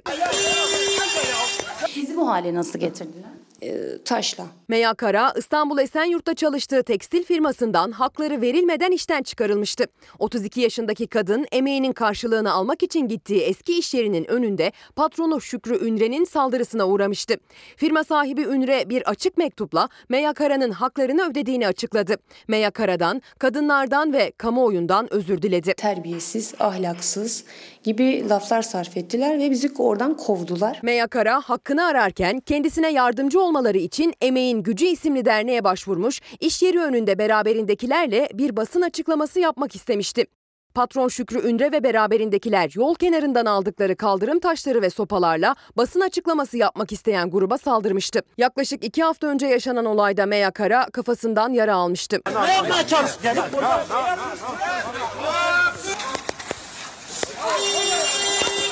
Özür mektubundan sonra Emeğin Gücü Derneği sosyal medyadan darp nedeniyle şikayetimiz adli mercilere gönderilmiştir. İşçi hakları ile ilgili ek bir eylemimiz olmayacaktır açıklamasını yaptı. İşçinin haklarının ödenmesine dair protokol imzalayan Ünre, Kara'nın kıdem ve ihbar tazminatlarıyla ücret alacağını ödedi.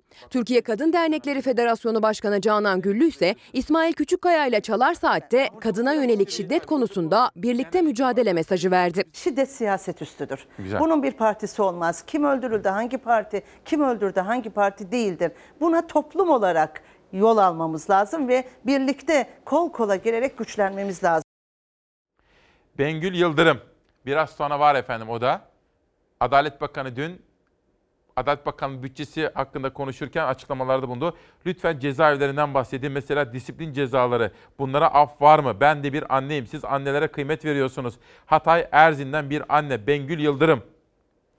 Efendim, Ahmet Hakan iyi bir şey yapıyor. Bu aslında sadece hürriyet için değil, hepimiz için. Yani basının canlanmasını istiyoruz. Özel haber odaklı yayıncılık yaptırıyor. 4-5 gündür görüyorum. Ben bunu önemsiyorum bir gazeteci olarak. Bütün gazeteci arkadaşlarımızın böyle olması gerekiyor. Dün mesela Milliyet müthiş bir sayfa yapmıştı. İşte bunları da görmek istiyorum. Çünkü basın can çekişiyor, yeniden ayağa kalksın. Tek bir gazete falan değil. Hepsinin böyle olmasını istiyoruz. Bakın bu önemli bir iş bugün. Vali birader dedim ama kibirsiz. İsmail Saymaz özel bir habere imza atmış. Öğretmenler Günü töreninde oturuşunu beğenmediği yerel gazete muhabirine sen öğretmen misin birader diye soran ardından düzgün otur diye azarlayan Konya valisi hürriyete konuştu. Ablam öğretmen, ağabeyim, dayı ve teyze çocuklarım öğretmen. Öğretmenlere karşı duygularımın bilinmesini isterim. Konuşmaya gece boyunca hazırlanmışım. Salona girdik, konuşmaya başlayacağız. En ön sırada bir kişi ayak ayak üstüne atma değil, yatar şekilde oturmuş, kafasını da koymuş, ayaklarını 90 derece uzatmış, konsantrasyonum bozuldu. Siz öğretmen miydiniz dedim. Evet dedi, birader demişim, kibirle ilgisi yok. Kardeşçe, yakışıyor mu der gibi konuştum. Fırça yok, azar yok, bağırma yok, dışarıya çıkarma yok. Muhabir olduğunu söyleseydi üstünde durmazdım zaten. Çocuk üzülmüş. Daha yumuşak kelimelerle söyleyebilir ya da törenden sonra uyarabilirdim. Keşke olmasaydı. Efendim bakın burada tabii düzeltmeye çalışıyor. Bir hatadan dönmeye çalışıyor. Tabii sabah biz ekipte konuşurken de onlara dedim ki abi çocuk özür dilemiş diyorlar. Arkadaşlar dedim siz Konya'da yaşıyorsunuz. Konya'da yerel bir gazetede muhabirsiniz. Yaşınız daha 30 değil. Ve valiyle aranızda böyle bir polemik yaşanıyor.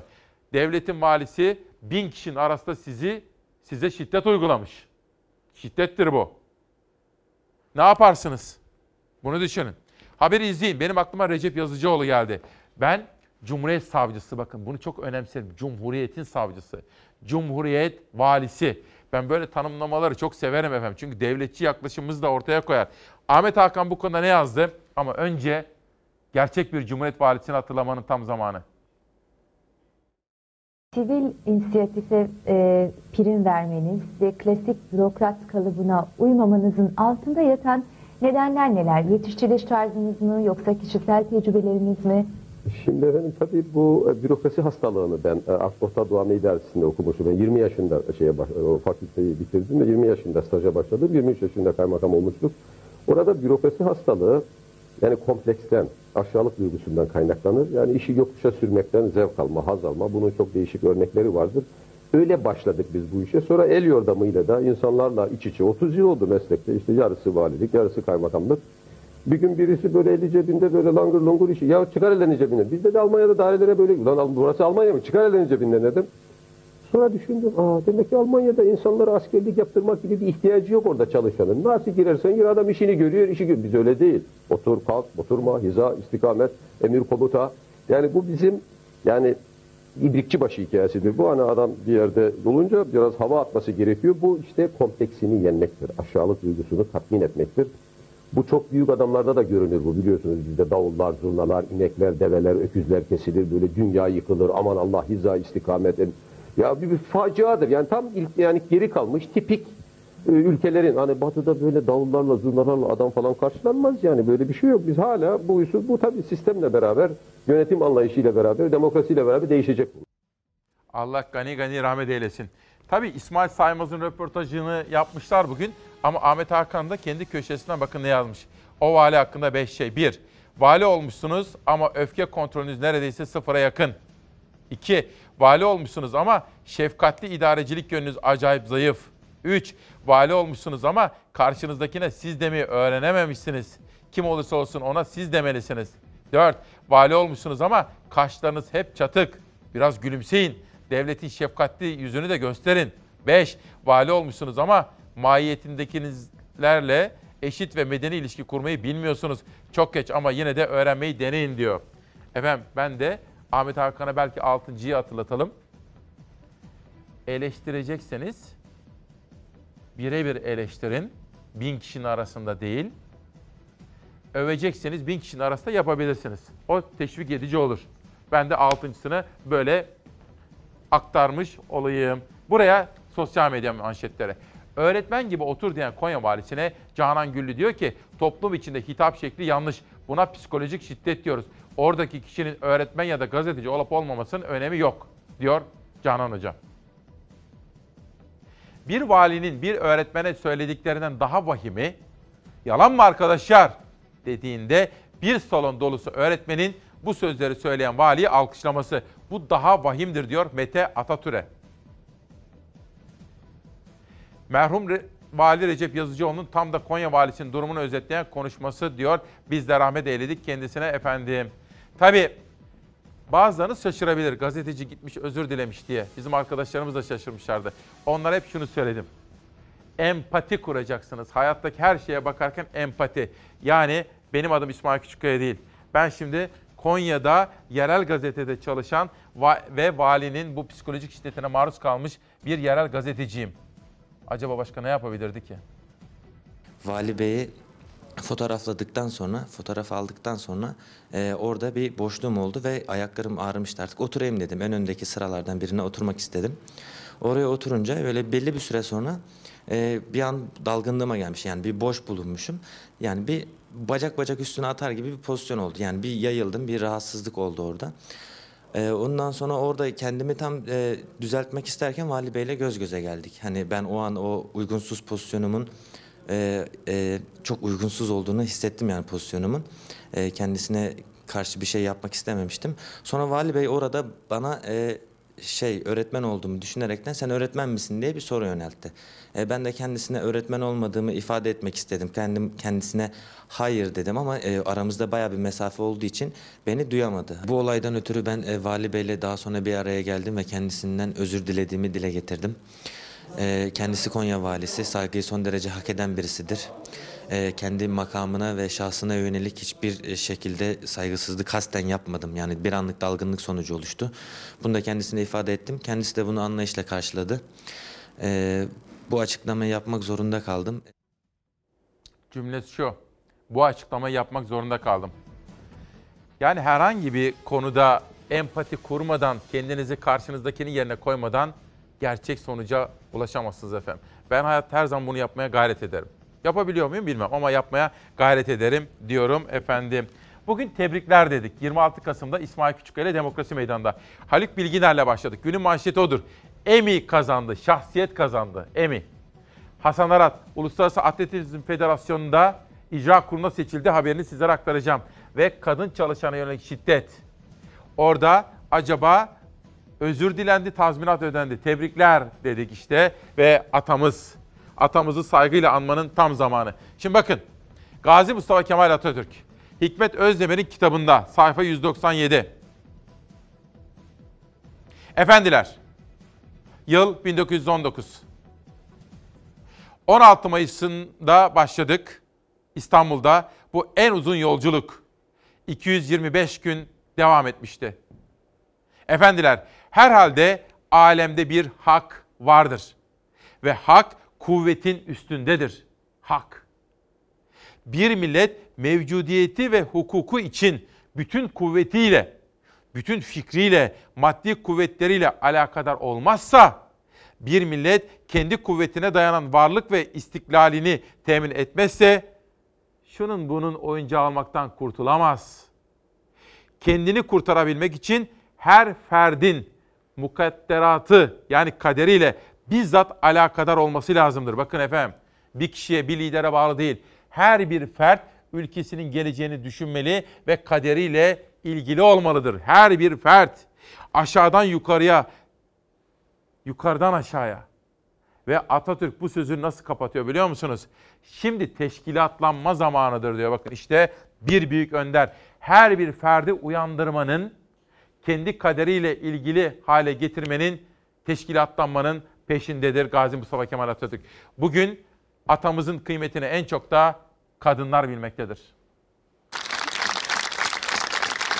Biz Özgecan Aslan, biz Şule Çet, biz Emine Bulut. Ben Güleda Cankel, 19 yaşındayım. Ölmedim sizinleyim.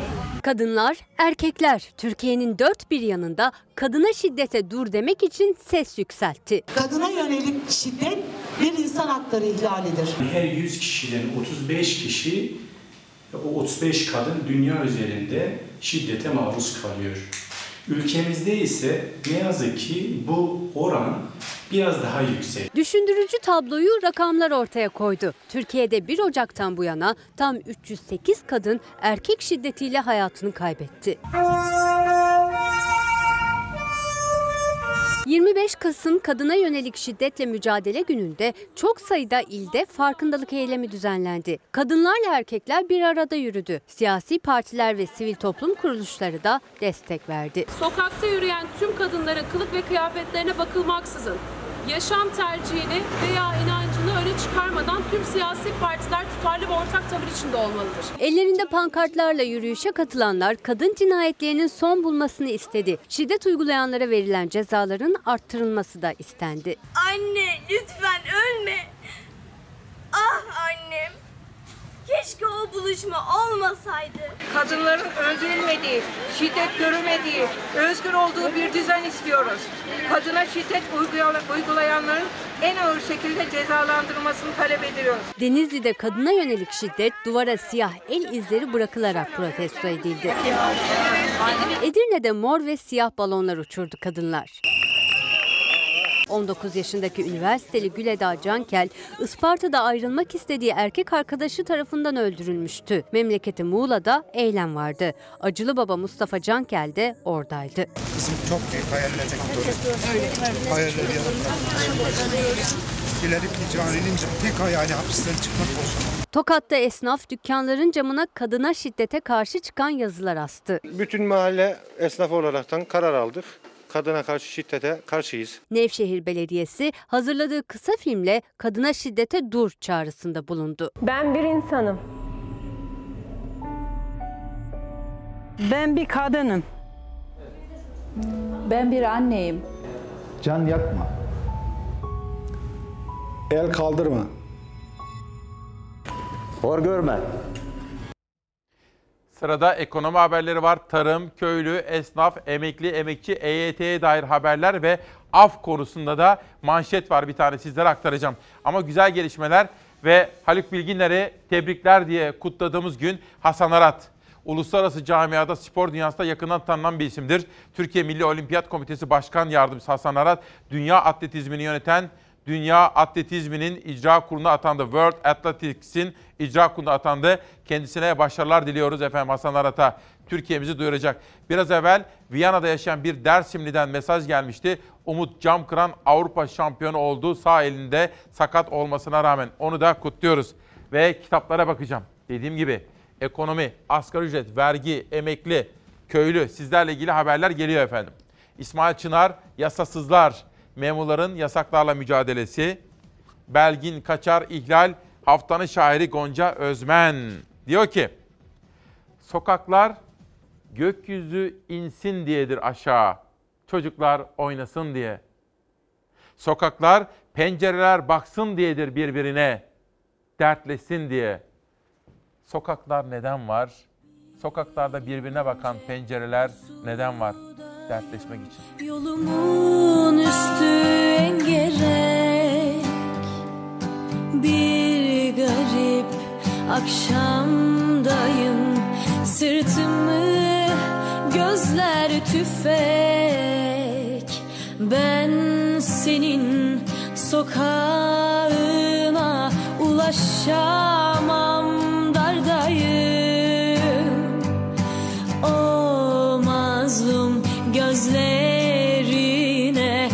come on.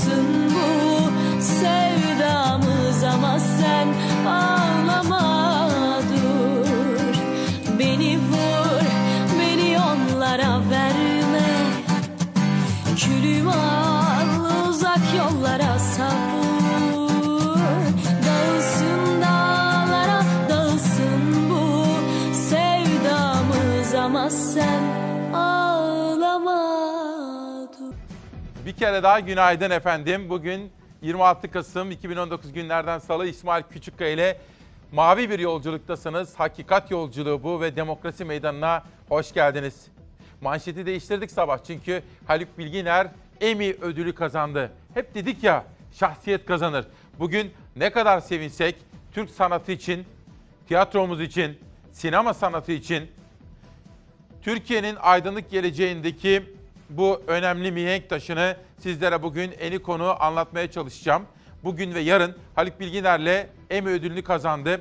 Dünya çapında şimdi bir büyük prestijin sahibi oldu. Tebrikler diyoruz. Bugünkü manşetimiz tebrikler. Gazete manşetlerine geçeceğim. Savaş hazır mıyız? Şu andan itibaren Savaş Yıldız kardeşim yönetmen koltuğunda. ekonomi ağırlıklı bir bölüm başlıyor. Hayatın içen, içinden pek çok manşetle birlikte. Hayvancılığı bağımlılıktan kurtaracak deklarasyon. Türkiye Damızlık Sığır Yetiştiricileri Merkez Birliği'nin sağ gözlemlerine dayanarak hazırladığı raporda ithalat uyuşturucu bağımlılığına benzetildi. Çözüm önerileri madde madde sıralandı denilmekte. Bir saniye. Herkes uyandı mı? Ekonomiyi konuşacağız. Esnafı, üreticiyi. Önce haber, sonra hayvancılığı nasıl kurtaracağız? Bizler belli bir kes şeyden yaştan sonra işsizlik şeyine giriyoruz. Hepimiz çalışabilir durumdayız. İş olsa herkes çalışır. Ha, iş de yok piyasada. Bunu kabul ediyorum. İstihdam yaratma gücü %3,9 azaldı. Genç işsizliğin de tarihi rekor kırdığı bu dönemde peki kimler iş gücüne dahil olabiliyor? Verilere göre 55 yaş üstü çalışanlarda da iş gücüne katılmaz. EYT kapısı kapatıldı ama iş kapısı aralanmış gibi görünmüyor. İş bulmak zor. Bu nedenle kayıt dışına yönlendiriliyor çoğu işsiz. Nasıl işler arıyorsunuz? Sigortalı bir iş, 8 saatlik. Fark Sigorta etmez. iş sigortalı olmak Sigorta zorunda yok zaten. işte. Sigorta yok zaten. Tekstil çalışan sigorta yok. Nasıl sigorta? Sigortasız işçi Yok. çalıştırmak yasalara aykırı. Aykırı da bilmiyorum. Yok maalesef yok. Benim oğlum şu an işsiz. Üniversite mezunu inşaat mühendisi. İşsiz şu anda. Ben çalışmasam ne yapacak? Kim bakacak? Erken yaşta emeklilik tartışılırken aslında o yaşlarda istihdamda durum ne sorusunun yanıtını bekliyor. İşsizler ve işsiz kalma korkusuyla çalışanlar. TÜİK rakamları da bir gerçeği ortaya koyuyor. İstihdamın içinde olan işveren sayısı giderek azalıyor. Bu yılın 3. çeyreğinde yaklaşık her 100 şirketten 4'ü iş arayanlara kapısını kapattı. Ben şu anda iki aydır işsizim. Ha, Ben çocuğa nasıl para göndereceğim öbür ay onu düşünüyorum. Onun kirası nasıl ödenecek üniversitede okuyanın da ev kirası? İşkur'un kapısını çalmak için herhangi bir yaş sınırı yok. Herkes kendi hikayesine göre iş arıyor ama işveren için belli ki bir yaş sınırı var. 50'nin üstündeysen adam almıyor yüzüne bile bakmıyor zaten senin. Allah kimseyi kimseye muhtaç etmesin noktasına geliyoruz yani. Allah'a şükür e, gücümüz kuvvetimiz yerinde de 54 yaşındaki Faruk Bey ve yaşıtları için güç, kuvvet, işvereni ikna edebilmek için artık önemli bir kriter haline geldi. Çünkü belli bir yaşa gelmişiz ya işverenin gözüyle baktığın zaman arkadaş biraz şey e, ona kumaş taşıtmayalım. E, bir kişi 3-4 işi de yapabiliyor. Ya diyelim ki kameraman kamera rahatsızlandı. Rahatsızlandı yani siz şöyle tutacaksınız onu da omuzunuza alacaksınız. E, taviz veriyorum kendimden sürekli. 8 saat üzerine çalışmam lazım. Ben 12 saat çalışıyorum. Dediğin anda da hadi yallah diyorlar. Türkiye aslında zengin. Türkiye zengin imkanları var da mesele bu zenginliği nasıl paylaştırdığınız, öncelik sıralamanız. Verilecek yerleri buluyorlar aslında değil mi? Böyle düşündüğünüzü biliyorum. Peki asgari ücret ne olmalı efendim? İnsan onuruna yaraşır bir hayata sahip olmamız için. Mesela eviniz kira. İki çocuğunuz var. Bir tanesi okula gidiyor. Öbürü de başlayacak. Kaç lira olmalı asgari ücret? Bu konuda bir haber var ama önce az evvel başladığımız üretici. Efendim her zaman söyledim. Fiyatlar arttı, ithalat. Bu kolaycılık. Bu günü kurtarır. Kurtarırsa ama geleceği mahveder. Bakın siyasi irade, Dünya Gazetesi diyor ki siyasi irade kurum ve kuralları ile yepyeni bir sistem oluşturulacağı ve en az 20 yıllık bir plan dahilinde kararlılıkla uygulanacağını net biçimde ifade etmedir. Yani köylüyü, besiciyi düşünüyorsanız günübirlik politikalar yerine 20 yıllık uzun vadeli planlamalar yapın diyor Ali Ekber Yıldırım'ın haberi. Ve bu planın ana ekseninde üreticiyi korumak olmalı. Üretici, besici para kazanmalı ki hayatını sürdürsün. Her şartta üretmekten vazgeçilmeyecek. Böyle böyle maddeler var efendim ama en son bakın 11. maddeye şöyle bir bakar mısınız? İthalata temelden karşı olunduğu çok ekstra durumlar haricinde. Yani mesela bir doğal afet olur Allah göstermesin ama o zaman ithalat yapabilirsiniz. Ama bunun dışında tarımsal ürünlerde ithalat aslında sizin yok oluşunuzdur efendim. Bugünü bile kurtaramazsınız da bugünü kurtarsanız bile geleceği ipotek altına alırsınız. Asgari ücret. Geçelim Evrensel Gazetesi'ne. Asgari ücret ne olmalı? Hani dedim ya iki çocuğunuz var evinizde kira. Çocuğun biri okula gidiyor öbürü de başlayacak. Yeter mi acaba para? Kaç lira olmalı? EYT'liye yok denen para milletvekillerine var. AKP'nin teklifiyle milletvekillerinin bakmakla yükümlü olmadıkları aileleri de bakın. Hani çoluğu çocuğu eşi tamam. Bir de bakmakla yükümlü olmadığı aileleri de sağlık hizmetlerine ücretsiz ulaşacak. Düzenlemenin kabul edilmesi halinde eski milletvekilleri ve yüksek yargı mensuplarıyla birlikte yaklaşık 3500 kişi bundan yararlanacak. Bu kıyak iktidarın mali yük olarak gördüğü EYT'lere akıllara getirdi. EYT'ler diyor ki milletvekillerinin ailelerine de mi bakmak zorundayız diye soruyor efendim. Yani aslında işin özü şu. Türkiye zengin. Türkiye'nin imkanları var.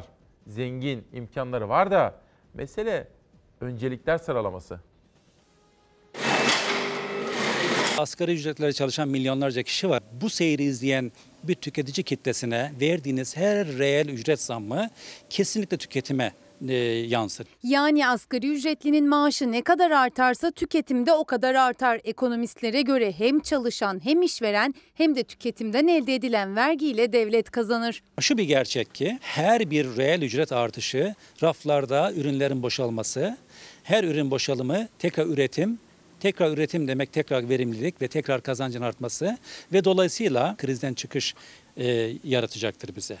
Bu döngüyü sağlamak esas olarak kamunun görevidir. Asgari ücret tespit komisyonu 2 Aralık'ta toplanacak. 2020 yılında asgari ücretin ne kadar olacağı belirlenecek. Özel sektör çalışanları için de Ocak zam ayı demek. Uzmanlara göre artış enflasyonun üzerinde olmalı. Ekonomi uzmanı Veysel Ulusoy bu soruya asgari ücretlinin biraz olsun rahat alışveriş yapacağı oranda olmalı yanıtını verdi. Canlandırıcı bir etki yapacaktır. Yani bir bakıma biz ücretlerdeki artışı maliyet unsuru olarak değil de bir kazanç, bir kazanım, e, ekonomik krizden çıkış yolu olarak algılayalım. Veysel Ulusoy asgari ücrette verginin kaldırılmasının da uzun vadede ekonomik darboğazdan çıkış ve yeni yatırımları aralanacak bir kapı olduğu görüşünde. Ulusoy'a göre asgari ücretten verginin kaldırılması hem çalışanın cebine hem de işverenin kasasına daha çok para girmesini sağlar. Asgari ücrette eğer gelir vergisi kesintisi olmazsa ortalama olarak yaklaşık asgari ücretin eline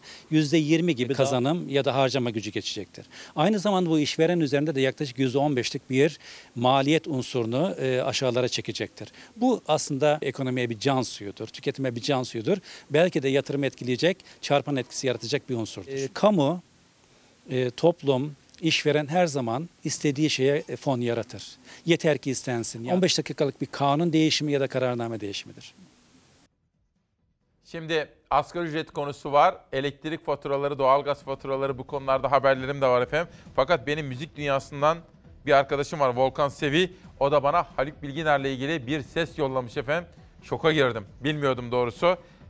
Biraz sonra gerekeni yapalım diyorum. Tebrikler dedim. Bugün Evrensel'den de Pencere Gazetesi'ne geçiyorum.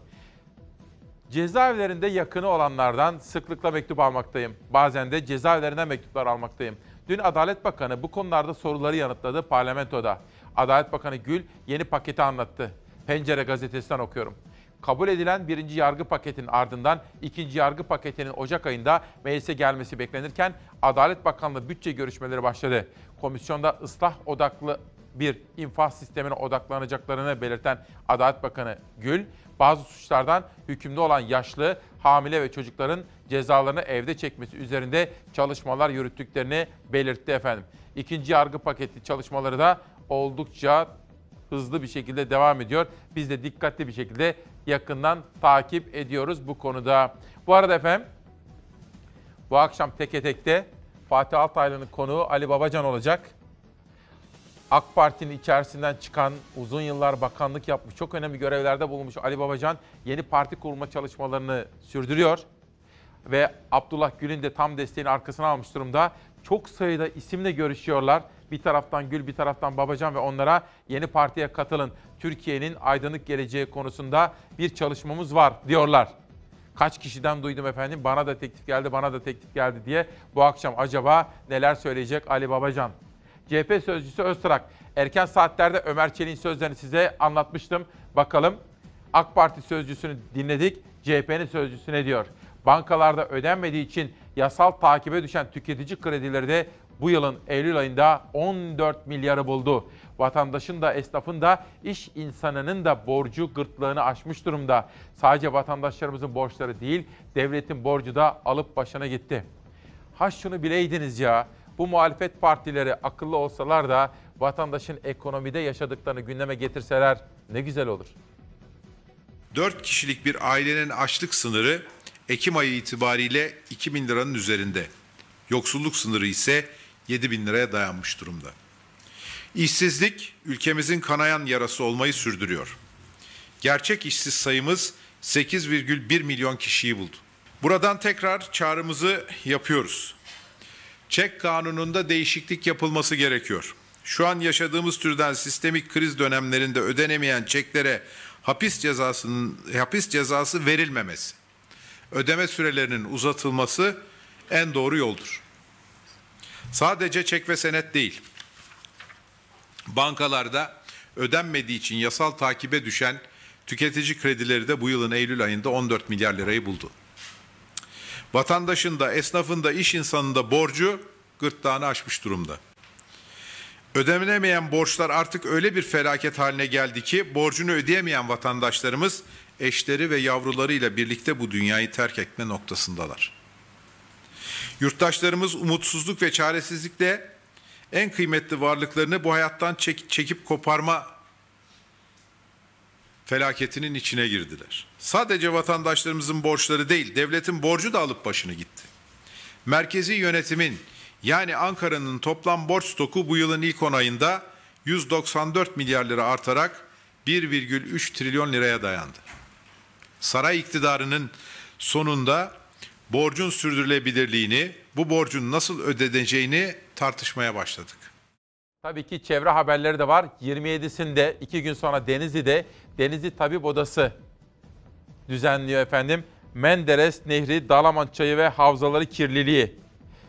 Denizli Tabip Odası'nda 27 Kasım'da bir toplantı yapılacak ve Tabipler Birliği Başkanı Adıyaman'da katılacak. Dikkatle takip ettiğim önemli konulardan bir tanesidir efendim. Çevre konuları da ihmal edemeyiz. İsmail Küçüköy ile Çalar Saat'in temel felsefeleri var efendim. Bunlardan vazgeçemeyiz.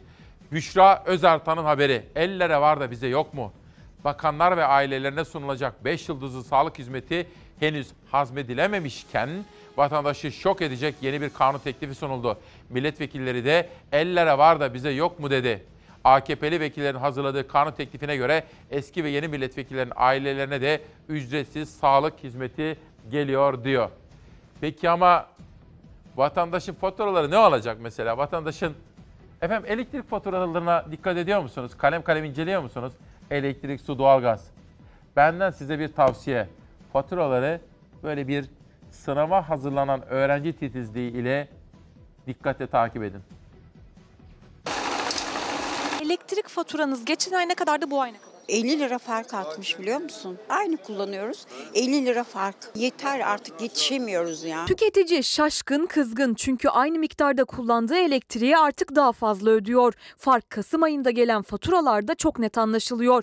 Hem sokakta tüketici hem de mecliste ana muhalefet tepkili. Geçen ay 40 küsürdü bu ay 70 lira. 70 lira. Zam mı gelmiş yoksa ben mi çok kullanmışım anlamadım. Zam geldi amca zam geldi. Hani zam yoktu? 80 lira ödüyordun 180 lira geldi. 2018 Ocak'tan 2019 Ekim'e kadar tam 7 kez zam geldi elektriğe. Sadece bir kez de indirim. O indirimi bizzat Cumhurbaşkanı Erdoğan duyurmuştu 31 Mart seçimleri öncesi. Elektrik fiyatlarında konutlarda yüzde on indirim yapıyoruz. Ama 23 Haziran yani tekrarlanan İstanbul seçimi sonrasında peş peşe iki zam geldi elektriğe. Yani toplamda 2 yılda %72,4 oranında arttı elektrik fiyatı. Zammı tüketici bu ay gelen faturalarda daha da çok hissetti. Evde olmadığım halde 60-70 lira geliyordu. Bu ayda gelen para 120 lira falan. Elimde Yavuz Yazımcı'ya ait elektrik faturaları var. Biri geçtiğimiz ayın, diğeri ise bu ayın faturası. Ortalama tüketimleri neredeyse iki ayda da aynı. Ancak ödediği ücret farklı. Geçtiğimiz ay 94 lira ödediği elektrik faturası bu ay 136 liraya çıktı. Ama inanır mısınız hiçbir şey yok benim evimde yani lüks olarak. Bir tane buzdolabım var. Bir televizyon işte bir de odadaki ampul. Enflasyon yüzde sekiz diyorlar ya. Hani nasıl sekiz oluyor? Hadi lüks tüketim bu lüks mü oluyor? Elektrik. Hani yüzde on dört zam? Fatura burada. İşin içinden? Ben çıkamadım. Yönetenler çıkar herhalde. Tüketicinin içinden çıkamadığı yüksek fatura bedelleri mecliste de taşındı. Enerji Bakanlığı'nın bütçesi görüşülürken CHP'li milletvekilleri elektrik zamlarını gündeme getirdi ve faturalardaki diğer kalemleri. 2 yıl önce 90 lira ödeyen bir aile 150 lira şu anda fatura ödüyor. TRT hala da pay parayı almaya devam ediyor. Bir yılda yüzde 67 suya zam yaptınız. Yer altından çıkarılan su, elektrikler çıkıyor. Çiftçiler mağdur. Hepsi faize düştü. Bankalara borçlarını ödemiyor. Çiftçiyi borca sokan faturalar içinse tüketici evinde kendi önlemini alıyor. Soğukta oturuyoruz. Yakamıyoruz pahalılıktan dolayı. Her hafta yapılması gereken ütüler ayda bir kere yapılıyor. Her gün banyo yapmak istiyor ama çok su harcamasın diye 10 günde 15 günde bir yapıyor. Evet, Arnavutluk'ta bir deprem olmuş. 6.4 büyüklüğünde bir deprem efendim. Arkadaşlarım takip ediyor. Şu ana kadar gelen bilgilere göre bir kişi yaşamını yitirdi. Ali Bektik de Suriyelilerin memleketlerine dönmesi gerektiği konusunda görüşlerini bizimle paylaşmış. Bugün Soner Yalçın'ı okuduğunuz zaman Kemal Kılıçdaroğlu aslında ne demişti? Bunu analiz etmiş. Efendim aslında okumamız gerekiyor. Algı operasyonlarına maruz kalmamak için okumamız gerekiyor. Düşünmemiz, sorgulamamız gerekiyor. Öyle değil mi? Özgür bir ülkenin özgür düşünen bireyleriyiz, hak sahibi bireyleriyiz. Lütfen okuyarak fikir sahibi olunuz. Mesela Türkiye'de yoksulluk var mı? Pahalılık. Peki Türkiye'de işsizlik var mı? Dış sorunumuz var mı bizim? Türkiye'de terör belası var mı? Peki Türkiye'de adaletsizlik var mı? Varsa yoksa CHP içindeki kavga var diyor bugün Sözcü Gazetesi. Oradan da Türkiye Gazetesi'ne geçeceğim ama sizi önce bir habere götürmek istiyorum. Hani Bülent Arınç'ın bir tartışması vardı. Demişti ki parsel parsel sattılar diyordu ya. Melik Gökçe'yi suçluyordu o tarihte. Kıyametler kopmuştu. Kıyametler kopmuştu. Dün sizlere Ankara Büyükşehir Belediyesi'nin meclisinden bir sesi dinletmiştim. Mamak Belediye Başkanı. Bir önceki dönemde de Büyükşehir Meclis üyesiydi kendisi. Bu parsel parsel meselesini hatırlatacak bir açıklaması olmuştu. Demişti ki Mansur Yavaş'a Ankara'nın yeni belediye başkanına gerekirse bir önceki dönemlerin imar meselelerini masaya yatıralım demişti. Bence Pandora'nın kutusu açılıyor. Şimdi İyi Parti Grup Başkan Vekili eski yaptıklarımızı anlatmamızı söyledi. Eski yaptıklarımız derken eskiden imar konularında yapılan şeyleri de anlatayım mı mesela? Siz bunları istiyor musunuz? Eskiye girersek altından alırsınız. Siz söylediğiniz için söylüyorum. Girmez. Nereye gidilmesi gerekiyorsa yanlışı olan, haksızlığı olan, haram yiyen kimse ortaya çıkarılsın. AK Parti'nin Mamak Belediye Başkanı gündeme getirdi imar tartışmasını. Muhalefete res çekerken eski yaptıklarımızı anlatayım mı ifadesi itiraf gibiydi. Ankara Büyükşehir Belediyesi'nde Mansur Yavaş öncesinde imarla ilgili neler yaşandı sorusu gündeme geldi. O iddianın sahibi AK Partili Belediye Başkanı Fox Haber'e konuştu. İmar e, konusunda bir usulsüzlük olduğunu mu ima ettiniz? Ben işte eskiden yapılmış hiçbir tartışmaya girmem. Belli bir dönemi mi işaret ettiniz efendim? Evet. Onu da sorayım. Ben biraz önce söylediğim gibi geçmiş konuşmaya gerek yok. Ne biliyorsa, o günkü kendi yönetimlerinde neler yapılmışsa onu anlatmaz da namerttir. Büyükşehirlerin en tartışmalı başlığı imar rantı. Gökçek döneminde yine AK Parti içinde gerilim yaratmıştı FETÖ başlığı üzerinden. Bu yapıya Ankara'yı parsel parsel satmıştı. Parsel parsel tartışması sözde kaldı rafa kalktı. Ankara Büyükşehir Belediyesi'nde yeni imar tartışmasını yine bir AK Partili isim Mamak Belediye Başkanı Murat Köse açtı. Belediye meclisi toplantısında muhalefetin geçmişe dönük eleştirilerine yanıt verirken kendi partisinin görevde olduğu dönemi tartışmaya açtı isim vermeden. Eskiden imar konularında yapılan şeyleri de anlatayım mı mesela? Siz bunları istiyor musunuz? Tamam. Eskiye girersek altından alırsınız. Siz söylediğiniz için söylüyorum. Girmez. Biz de Hodri Meydan diyoruz. Bir takım insanların neler yaptığını, imar konularını anlatacağız inşallah. Ben buradan teklif ediyorum. Özel bir gündemde geçmişte imarda neler yapılmış ne biliyorsa anlatmazsa kendisi de töhmet altındadır. Geçmiş meclis üyeleri de töhmet altındadır. AK Partili Mamak Belediye Başkanı'nın imar başlıklı geçmişe vurgu yapan sözleri belediye meclisinde büyük ses getirdi. AK Parti Grup Başkan Vekili de konuştu Mansur Yavaş da. Bedeli neyse öderim, ödeyecekler de ödesin. Haram yiyen kimse ortaya çıkarılsın. AK Parti grubu da olumlu bakıyor bunların soruşturulmasına.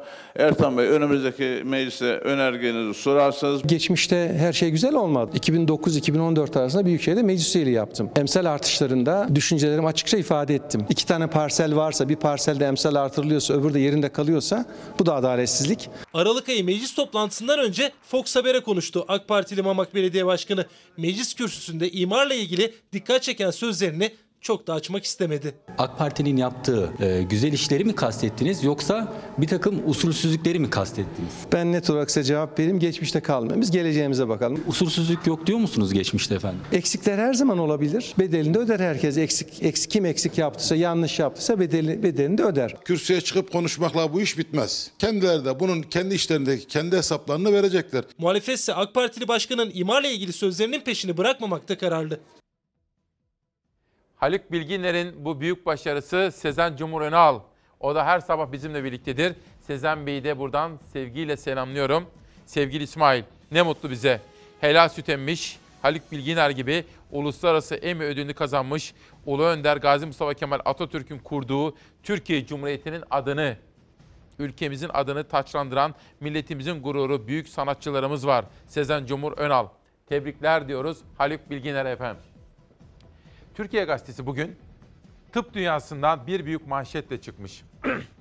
Hastaların hayat kalitesini artıran, kanseri durduran ve yeni ilaçlar üzerinde çalışan Türkler bilim dünyasında çığır açıyor. Profesör Doktor Besim Öğretmen, Profesör Doktor Atilla Soran ve Profesör Doktor Ercüment Ovalı dünya çapında önemli işlere imza atmışlar ve Türkiye'mizin adını kanserle mücadele eden tıp dünyasına duyurmuşlar efendim. Türkiye Gazetesi'nden Ziyneti Kocabıyık da bu özel haberi okurlarıyla paylaşmış. Sosyal medyada neler var? Bir soru soracağım bir dakika. Efendim biz bu Barış Pınar Harekatı'na başladık ya. Ne elde ettik oradan? Peki neden durdu o? Mesela Amerikalılar geldi, biz Ruslara gittik, durdu. İki tane peş peşe anlaşma yaptık. Bunu lütfen düşüne durun. Harekat bitti. Bu konuda bir haber var. Cumhurbaşkanı Erdoğan Katar emiri Şeyh Temim ile görüştü. Bakın Cumhurbaşkanlığının bu açıklaması. Fakat kameralarda bugün Mümin ve Yunus kardeşlerim var. Bir rica edeceğim efendim. Dün sosyal medyaya baktığım zaman Katar emirinin terlikleri çok konuşuluyordu. Twitter'da bir ara iki numara olmuştu. Trend Topik'te iki numara olmuştu. Katar emirinin terlikleri. Cumhurbaşkanı Erdoğan'ı kabulündeki bu terlikler çok konuşulan bir detay. Geçelim. Ankara Valiliği yarın ve salı günü F-16'lar yüksek ve alçak irtifada test uçuşu yapacak. Acaba neyin testini yapıyorlar? Çok farklı senaryolar var ama henüz doğrulatamadık, henüz kesinleştiremedik. Doğrulatıp kesinleştirdikten sonra bu neyin testiydi size haberini vereceğim. Bunu geçelim, bunu biraz önce verdim.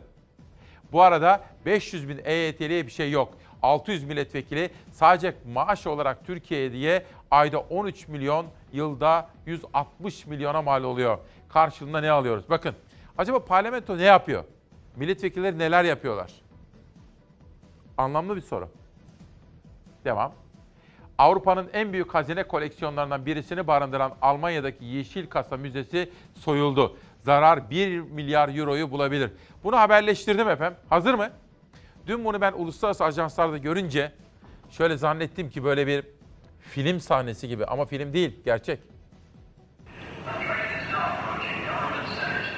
İçeri el feneriyle girdiler, paha biçilemez mücevherleri camları kırarak çaldılar. Almanya bu sabaha suç filmlerini aratmayan bir müze soygunuyla uyandı.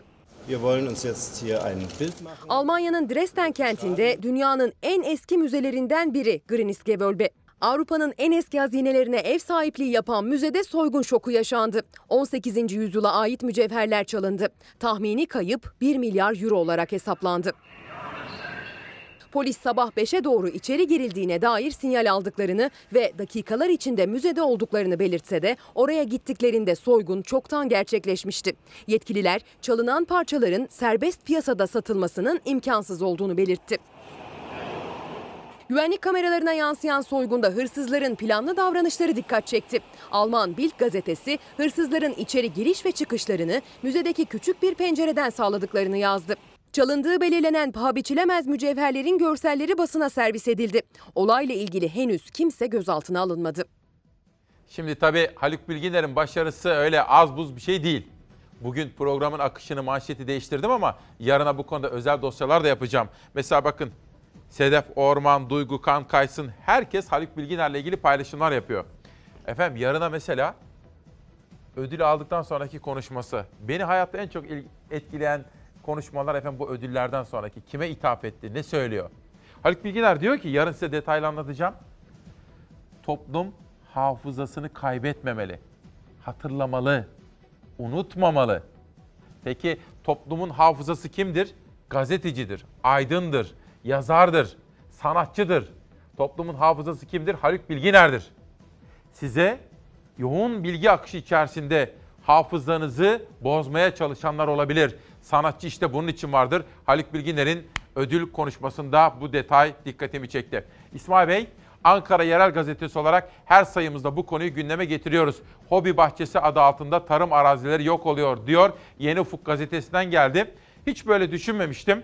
Bugün ben de ekip arkadaşlarımla Ankara ile konuşacağız. Mansur Yavaş'la da bunu konuşacağız. Acaba neymiş? Daha önceki dönemlerden başlayan hobi bahçeleri tarıma neden zarar veriyorlar acaba?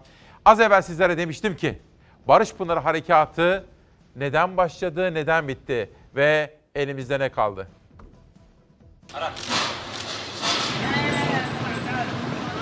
Şu ana kadar 2000'den fazla mayın ve el yapımı patlayıcı etkisiz hale getirilmiştir. Barış Pınarı Harekatı sona erdi. Türkiye, Amerika ve Rusya ile imzaladığı mutabakatlara sadık kaldı. Terörden temizlenen bölgelerde mayın ve el yapımı patlayıcı temizliği devam ediyor.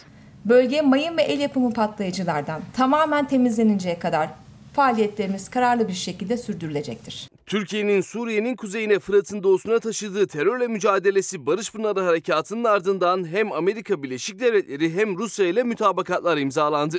İki süper güç teröristlerin güvenli bölgeden çekileceğini taahhüt etti. Türkiye harekatı durdurdu. Teröristlerin taciz atışlarına ise gerekli karşılık verildi.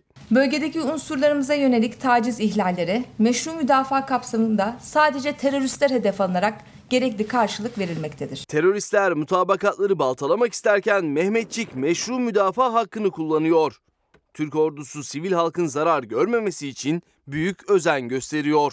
Devriyeler esnasında zaman zaman yaşanan taciz ve kışkırtmalara karşı personelimizin ve yöre halkının zarar görmemesi için gerekli hassasiyet gösterilmektedir. Öte yandan Soçi mutabakatıyla Türk-Rus ortak devriyelerinin yapılması kararlaştırılmıştı. 11. ortak devriye de yapıldı. 11. devriye hali hazırda devam etmektedir. Devriyeye insansız hava aracı ile her iki taraftan dörder zırhlı araç iştirak etmektedir. Ben şimdi size Türkiye'de siyasetin nasıl yapıldığını, aslında nasıl yapılmaması gerektiğini böyle bir kitaptan anlatmaya çalışsam zamanımız yetmez değil mi? Üç dakikada anlatayım mı size? Aslında siyasetin açmazını, neden tıkandığını gösterecek. Hazır mısınız? Üç dakika. Var mı üç dakikanız? Peki. Vereceğim. İsmail Bey, KYK'lılardan da bahsedin diyor. Biz çok zor durumdayız. Beraat bile alıyoruz, takipsizlik de alıyoruz ama göreve dönemiyoruz diyor. Bir izleyenim bana yazmış şimdi böyle bir mesaj. Anlatacağım efendim onu. Haber Kayseri. Gündüzü de gecesi de kirli. Bakın bu da bir halk sağlığı sorunu. Kentte hava kirliliği konusunda adeta kırmızı alarm. Kayseri. Lütfen bakın. Bu paradan puldan daha önemli bir konu efendim. Lütfen duyarlı olun. Çoluğunuzun çocuğunuzun sağlığı için gri bulutların üzerini kapattığı kentteki kirlilik oranı 2018 hava kirliliği raporuna da yansıdı efendim. Kayseri'nin havası kirliymiş. İç Anadolu'dan Ege'ye geçiyorum. Ege bölgesi Kiraz'ın kaderi susuzluk mu? Küçük Menderes'in en ücra ilçesinde 32 mahalle susuzluktan kavruluyor. Başkan Özçınar tankerlerle su taşıyoruz artık çözüm bulunsun dedi. Nerede kaldı bakanlık mesela? Bakanlığa da bir görev. Ege'den Diyarbakır'a geçiyorum. Esnafın zam isyanı.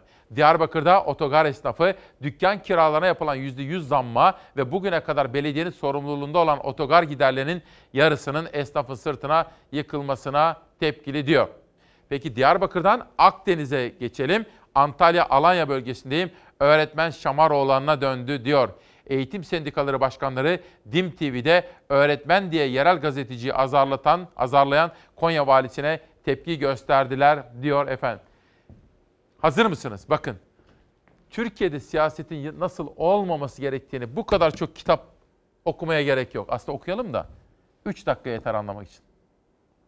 Termik santraller, akut solunum yolu hastalıkları, kronik obstrüktif akciğer hastalıkları, astım ve akciğer kanseri gibi çok ciddi sağlık sorunlarına sebep olmaktadır. Bu hastalıklar aynı zamanda ciddi bir ölüm nedenidir. 20 Kasım'da mecliste yaptı bu açıklamayı MHP'li Sefer Aycan. Doktor kimliğiyle konuştu. Bir gün sonra genel kurulda partili kimliği ortaya çıktı. Öldürüyor dediği termik santrallerin bacasız faaliyetlerine devam etmesi için evet oyu verdi. Madde kabul edilmiştir. Santrallere baca filtresi takmadan 2,5 yıl daha çalışma izni veren yasa teklifi mecliste AK Partili ve MHP'li vekillerin oylarıyla kabul edildi. Oylamaya 49 MHP'li vekilden 35'i katılmadı. Katılan 14 vekilin tamamı kabul oyu verdi. Kabul oyu verenlerden biri de Sefer Aycan'dı. Bir gün bile filtresiz arıtma tesisi olmadan çalışmasına müsaade edilmemesi gerekir. Termik santrallere filtre takılması konusundaki hassasiyetini çok net ve sert cümlelerle dile getirmişti. Çok değil oylamadan bir gün önce. Biz termik santrallere karşı değiliz. Ama teknolojik donanımları yerine getirerek filtrelerini ve arıtma tesislerini yaparak çalışmalarını istiyoruz. Aynı zamanda halk sağlığı uzmanı bir tıp doktoru olan Aycan'ın filtresiz bacalar için genel kurulda evet oyu vermesi şaşırttı. Sonra söylediğiyle yaptığı arasındaki çelişkiyi açıklamakta da zorlandı MHP'li vekil. Grubumuz bir karar verdi. İşletmelere bir süre verip denetimleriyle ilgili bir süre var biliyorsunuz. Grubumuz o maddeyi destekledi. Kabul edenler, kabul etmeyenler madde kabul edilmiştir. Aycan partisinin aldığı grup kararına uymak zorunda kaldığını söyledi. Grup kararı ise parti üst yönetiminde alınıyor ve vekiller her ne olursa olsun o kararın dışına çıkamıyor. Yani oyunu da kendi iradesiyle değil yukarıdan gelen talimat doğrultusunda kullanıyor. İşte Sefer Aycan'ın düştüğü durum da Türkiye'de siyaset mekanizmasının nasıl işlediğine dair fotoğrafı ortaya koydu. Efendim özgür iradesiyle bakın hakimden bunu bekliyoruz. Siyasetçiden, gazeteciden, kimselerden talimat almasınlar. Atamız ne diyor büyük önderimiz Mustafa Kemal Atatürk? Öğretmenlerden ne bekliyor efendim? Fikri hür, irfanı hür, vicdanı hür nesiller. Ben Cumhuriyet savcılarından, hakimlerimden de bunu bekliyorum. Valilerimden bunu bekliyorum. Siyasetçilerden, kimselerden talimat almayınız efendim. Eğer Kahramanmaraş halkının iyiliği için o termik santrale filtre takılması gerekiyorsa takılsın. Para babaların dediği olmasın siyasi liderler söyledi diye olmaz. Ha doğrusu buysa bir gün önce niye öyle dediniz efendim? Neden öyle dediniz? Antalya'dan üretici manşeti var. Doğal reçeteler uzman eczacı Nurten Ermemiş'ten imzalı geldi böyle bir kitap. Tanrı'nın eczanesinden diyor. Bugün 17 kitap tanıtıyorum sizlere. Bir de Gonca Özmen şiiri okuyorum 18. Hakan Yücel, Tekerrür. İşin geleceği şimdi. Canan Duman, yakasız ekonomi.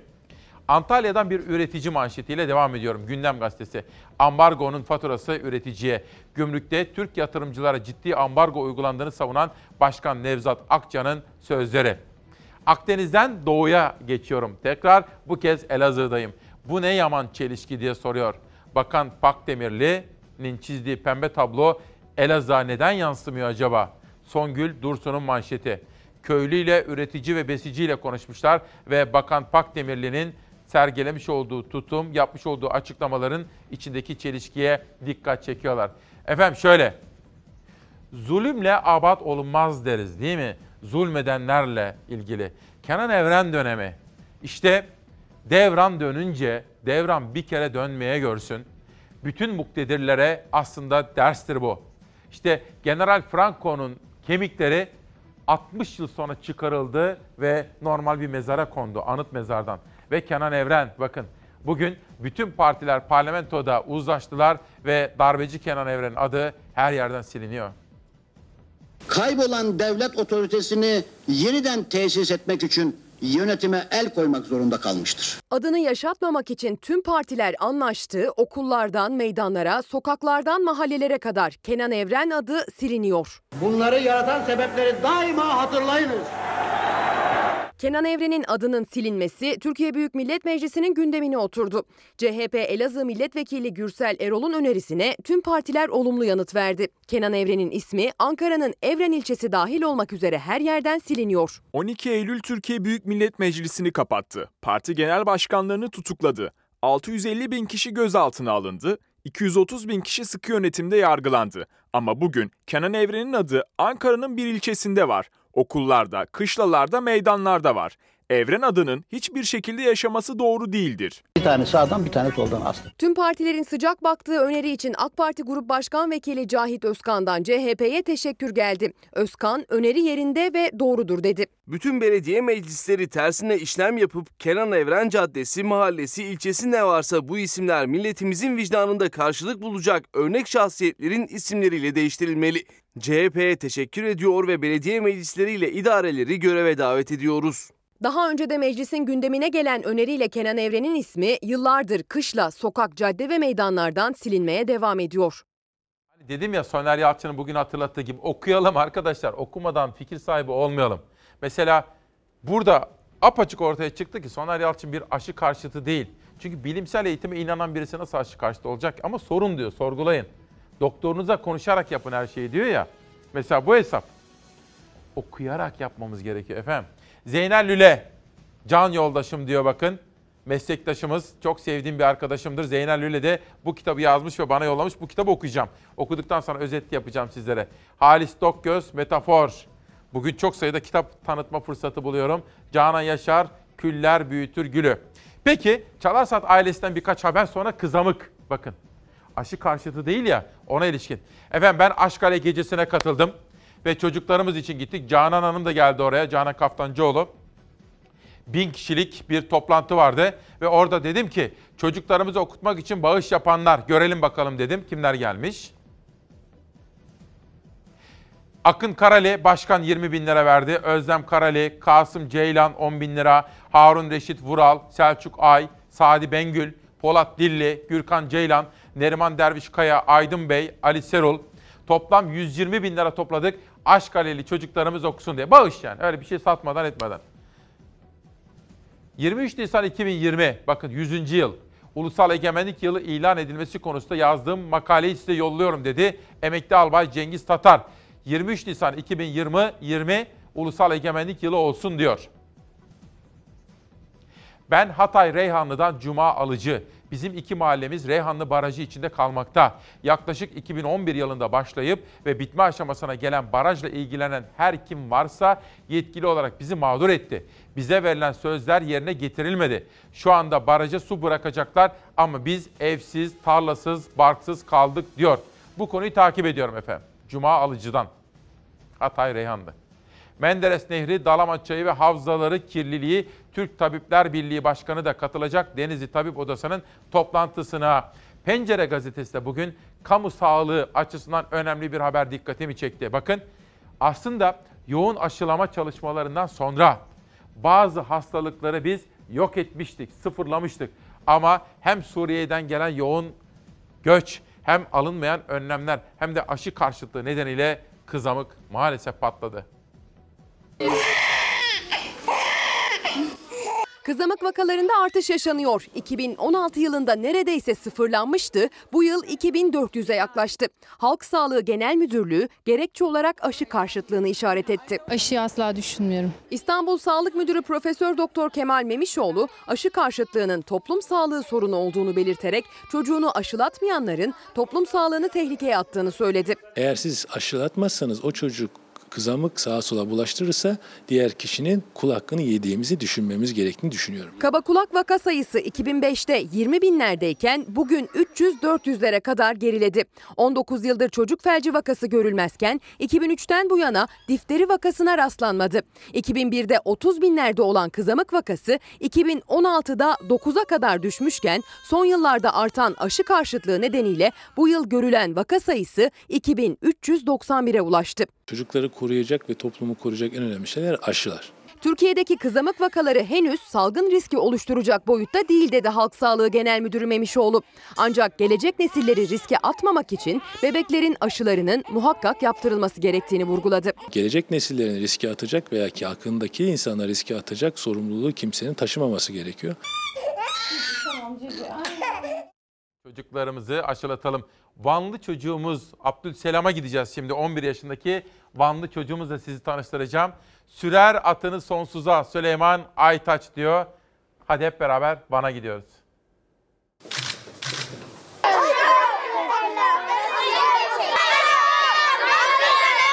Kartondan kamerasıyla sınıfındaki arkadaşlarını çekiyordu. Abdülselam'ın kamera aşkı dikkatleri çekti.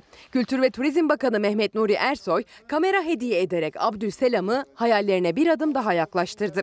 Peki sen ne olmak istiyorsun? Kameracı olmak istiyorum. Tamam. Haber kameramanı mı olmak Evet. Röportaj mı yapacaksın? Evet yapacağım. Hadi ilk röportajını benimle yapacağım. Sor bakalım. Siz nasıl e, e, siz nasıl Milli Kültür Bakanlığı olarak bir seviyeye çıktınız? Ya güzel soru. Nasıl ben bu seviyeye çıktım? Ben aslında turizmle uğraşıyorum. Küçük yaştan beri, 85'ten beri. En iyi bildiğim iş turizm. Aslında hemen hemen tek bildiğim iş bu turizm. Sonra Cumhurbaşkanımız bunu fark etmiş. Sağ olsunlar bana bu görevi verdiler. Van Akköprü İlkokulu öğrencisi Abdülselam Arslan internetten resimlerine baka baka kendine bir kamera yaptı. Karton kamerasıyla arkadaşlarını çekerken onu gerçek bir haber kameramanı görüntüledi. Gelecekte haber kameramanı olmak isteyen Abdülselam Ankara'da Kültür ve Turizm Bakanlığı'nın konuğuydu. Bu akşam çok değerli bir konuğumuz var. Ne yapmışlar? İnternette görmüş. Gördüğünden de bu kamerayı yapmış. Kaç günde yaptın? Çek bakalım bir göster bize nasıl çekiyorsun. Senin çocuğunuz var mı? Çocuğum var. Benim de iki tane çocuğum var. Şimdi Abdülselam Arslan senin adın. Benim bir oğlumun, küçük oğlumun adı Aslan. Bir tanesi 5 yaşında, bir tanesi 12 yaşında. Onlar da böyle dijital aletlere çok meraklılar. Abdülselam Bakan'a ilk sorularını kartondan kamerasıyla sordu. Sonra da gerçek kamerasını aldı omzuna. Biz artık ona ikinci aşamaya geçirelim.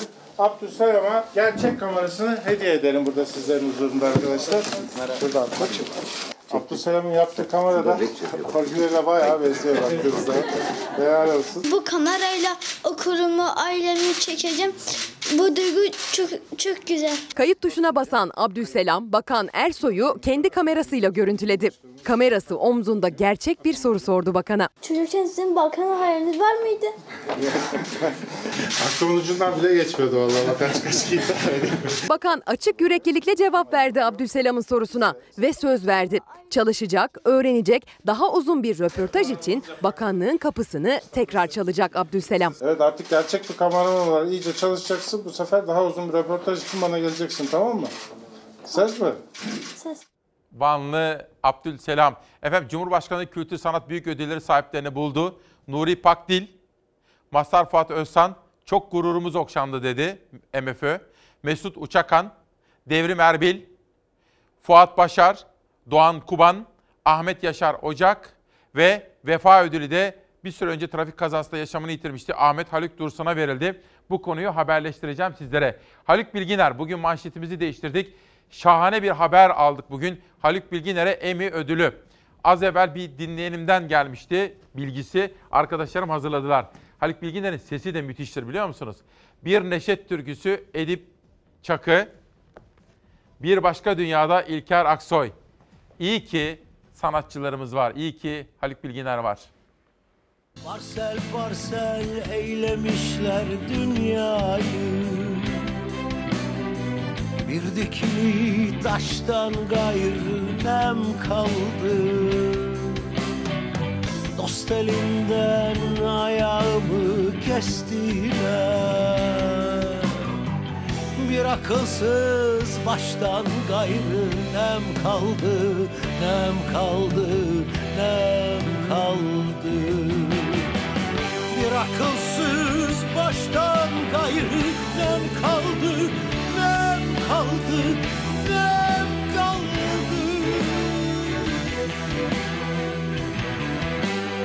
Padişah değilim çıksam otursam Saraylar kursam da asker getirsem. Hediyem yoktur ki dosta götürsem. İki damla yaştan gayrı nem kaldı, nem kaldı, nem kaldı. İki damla yaştan gayrı nem kaldı, kaldı, nem kaldı Mahzuni şerifim çıksam dağlara. Rast gelsem de avcı vurmuş marala. Doldur tüfeğini beni yarala. Bir yaralı daştan gayrı nem kaldı, nem kaldı, nem Bugün sabah uyandığımızda 4'ten itibaren yeni bir gün başladı. Manşeti değiştirdik, etiketi, tebrikler dedik. Çünkü Haluk Bilginer büyük ödül kazanmıştı. Tebrikler dediğimiz başkaca nice haberler ve güzel gelişmelerden sizlere haberdar etmek istedik. Ben bütün ekip arkadaşlarım ve danışmanımın katkısıyla hazırladık.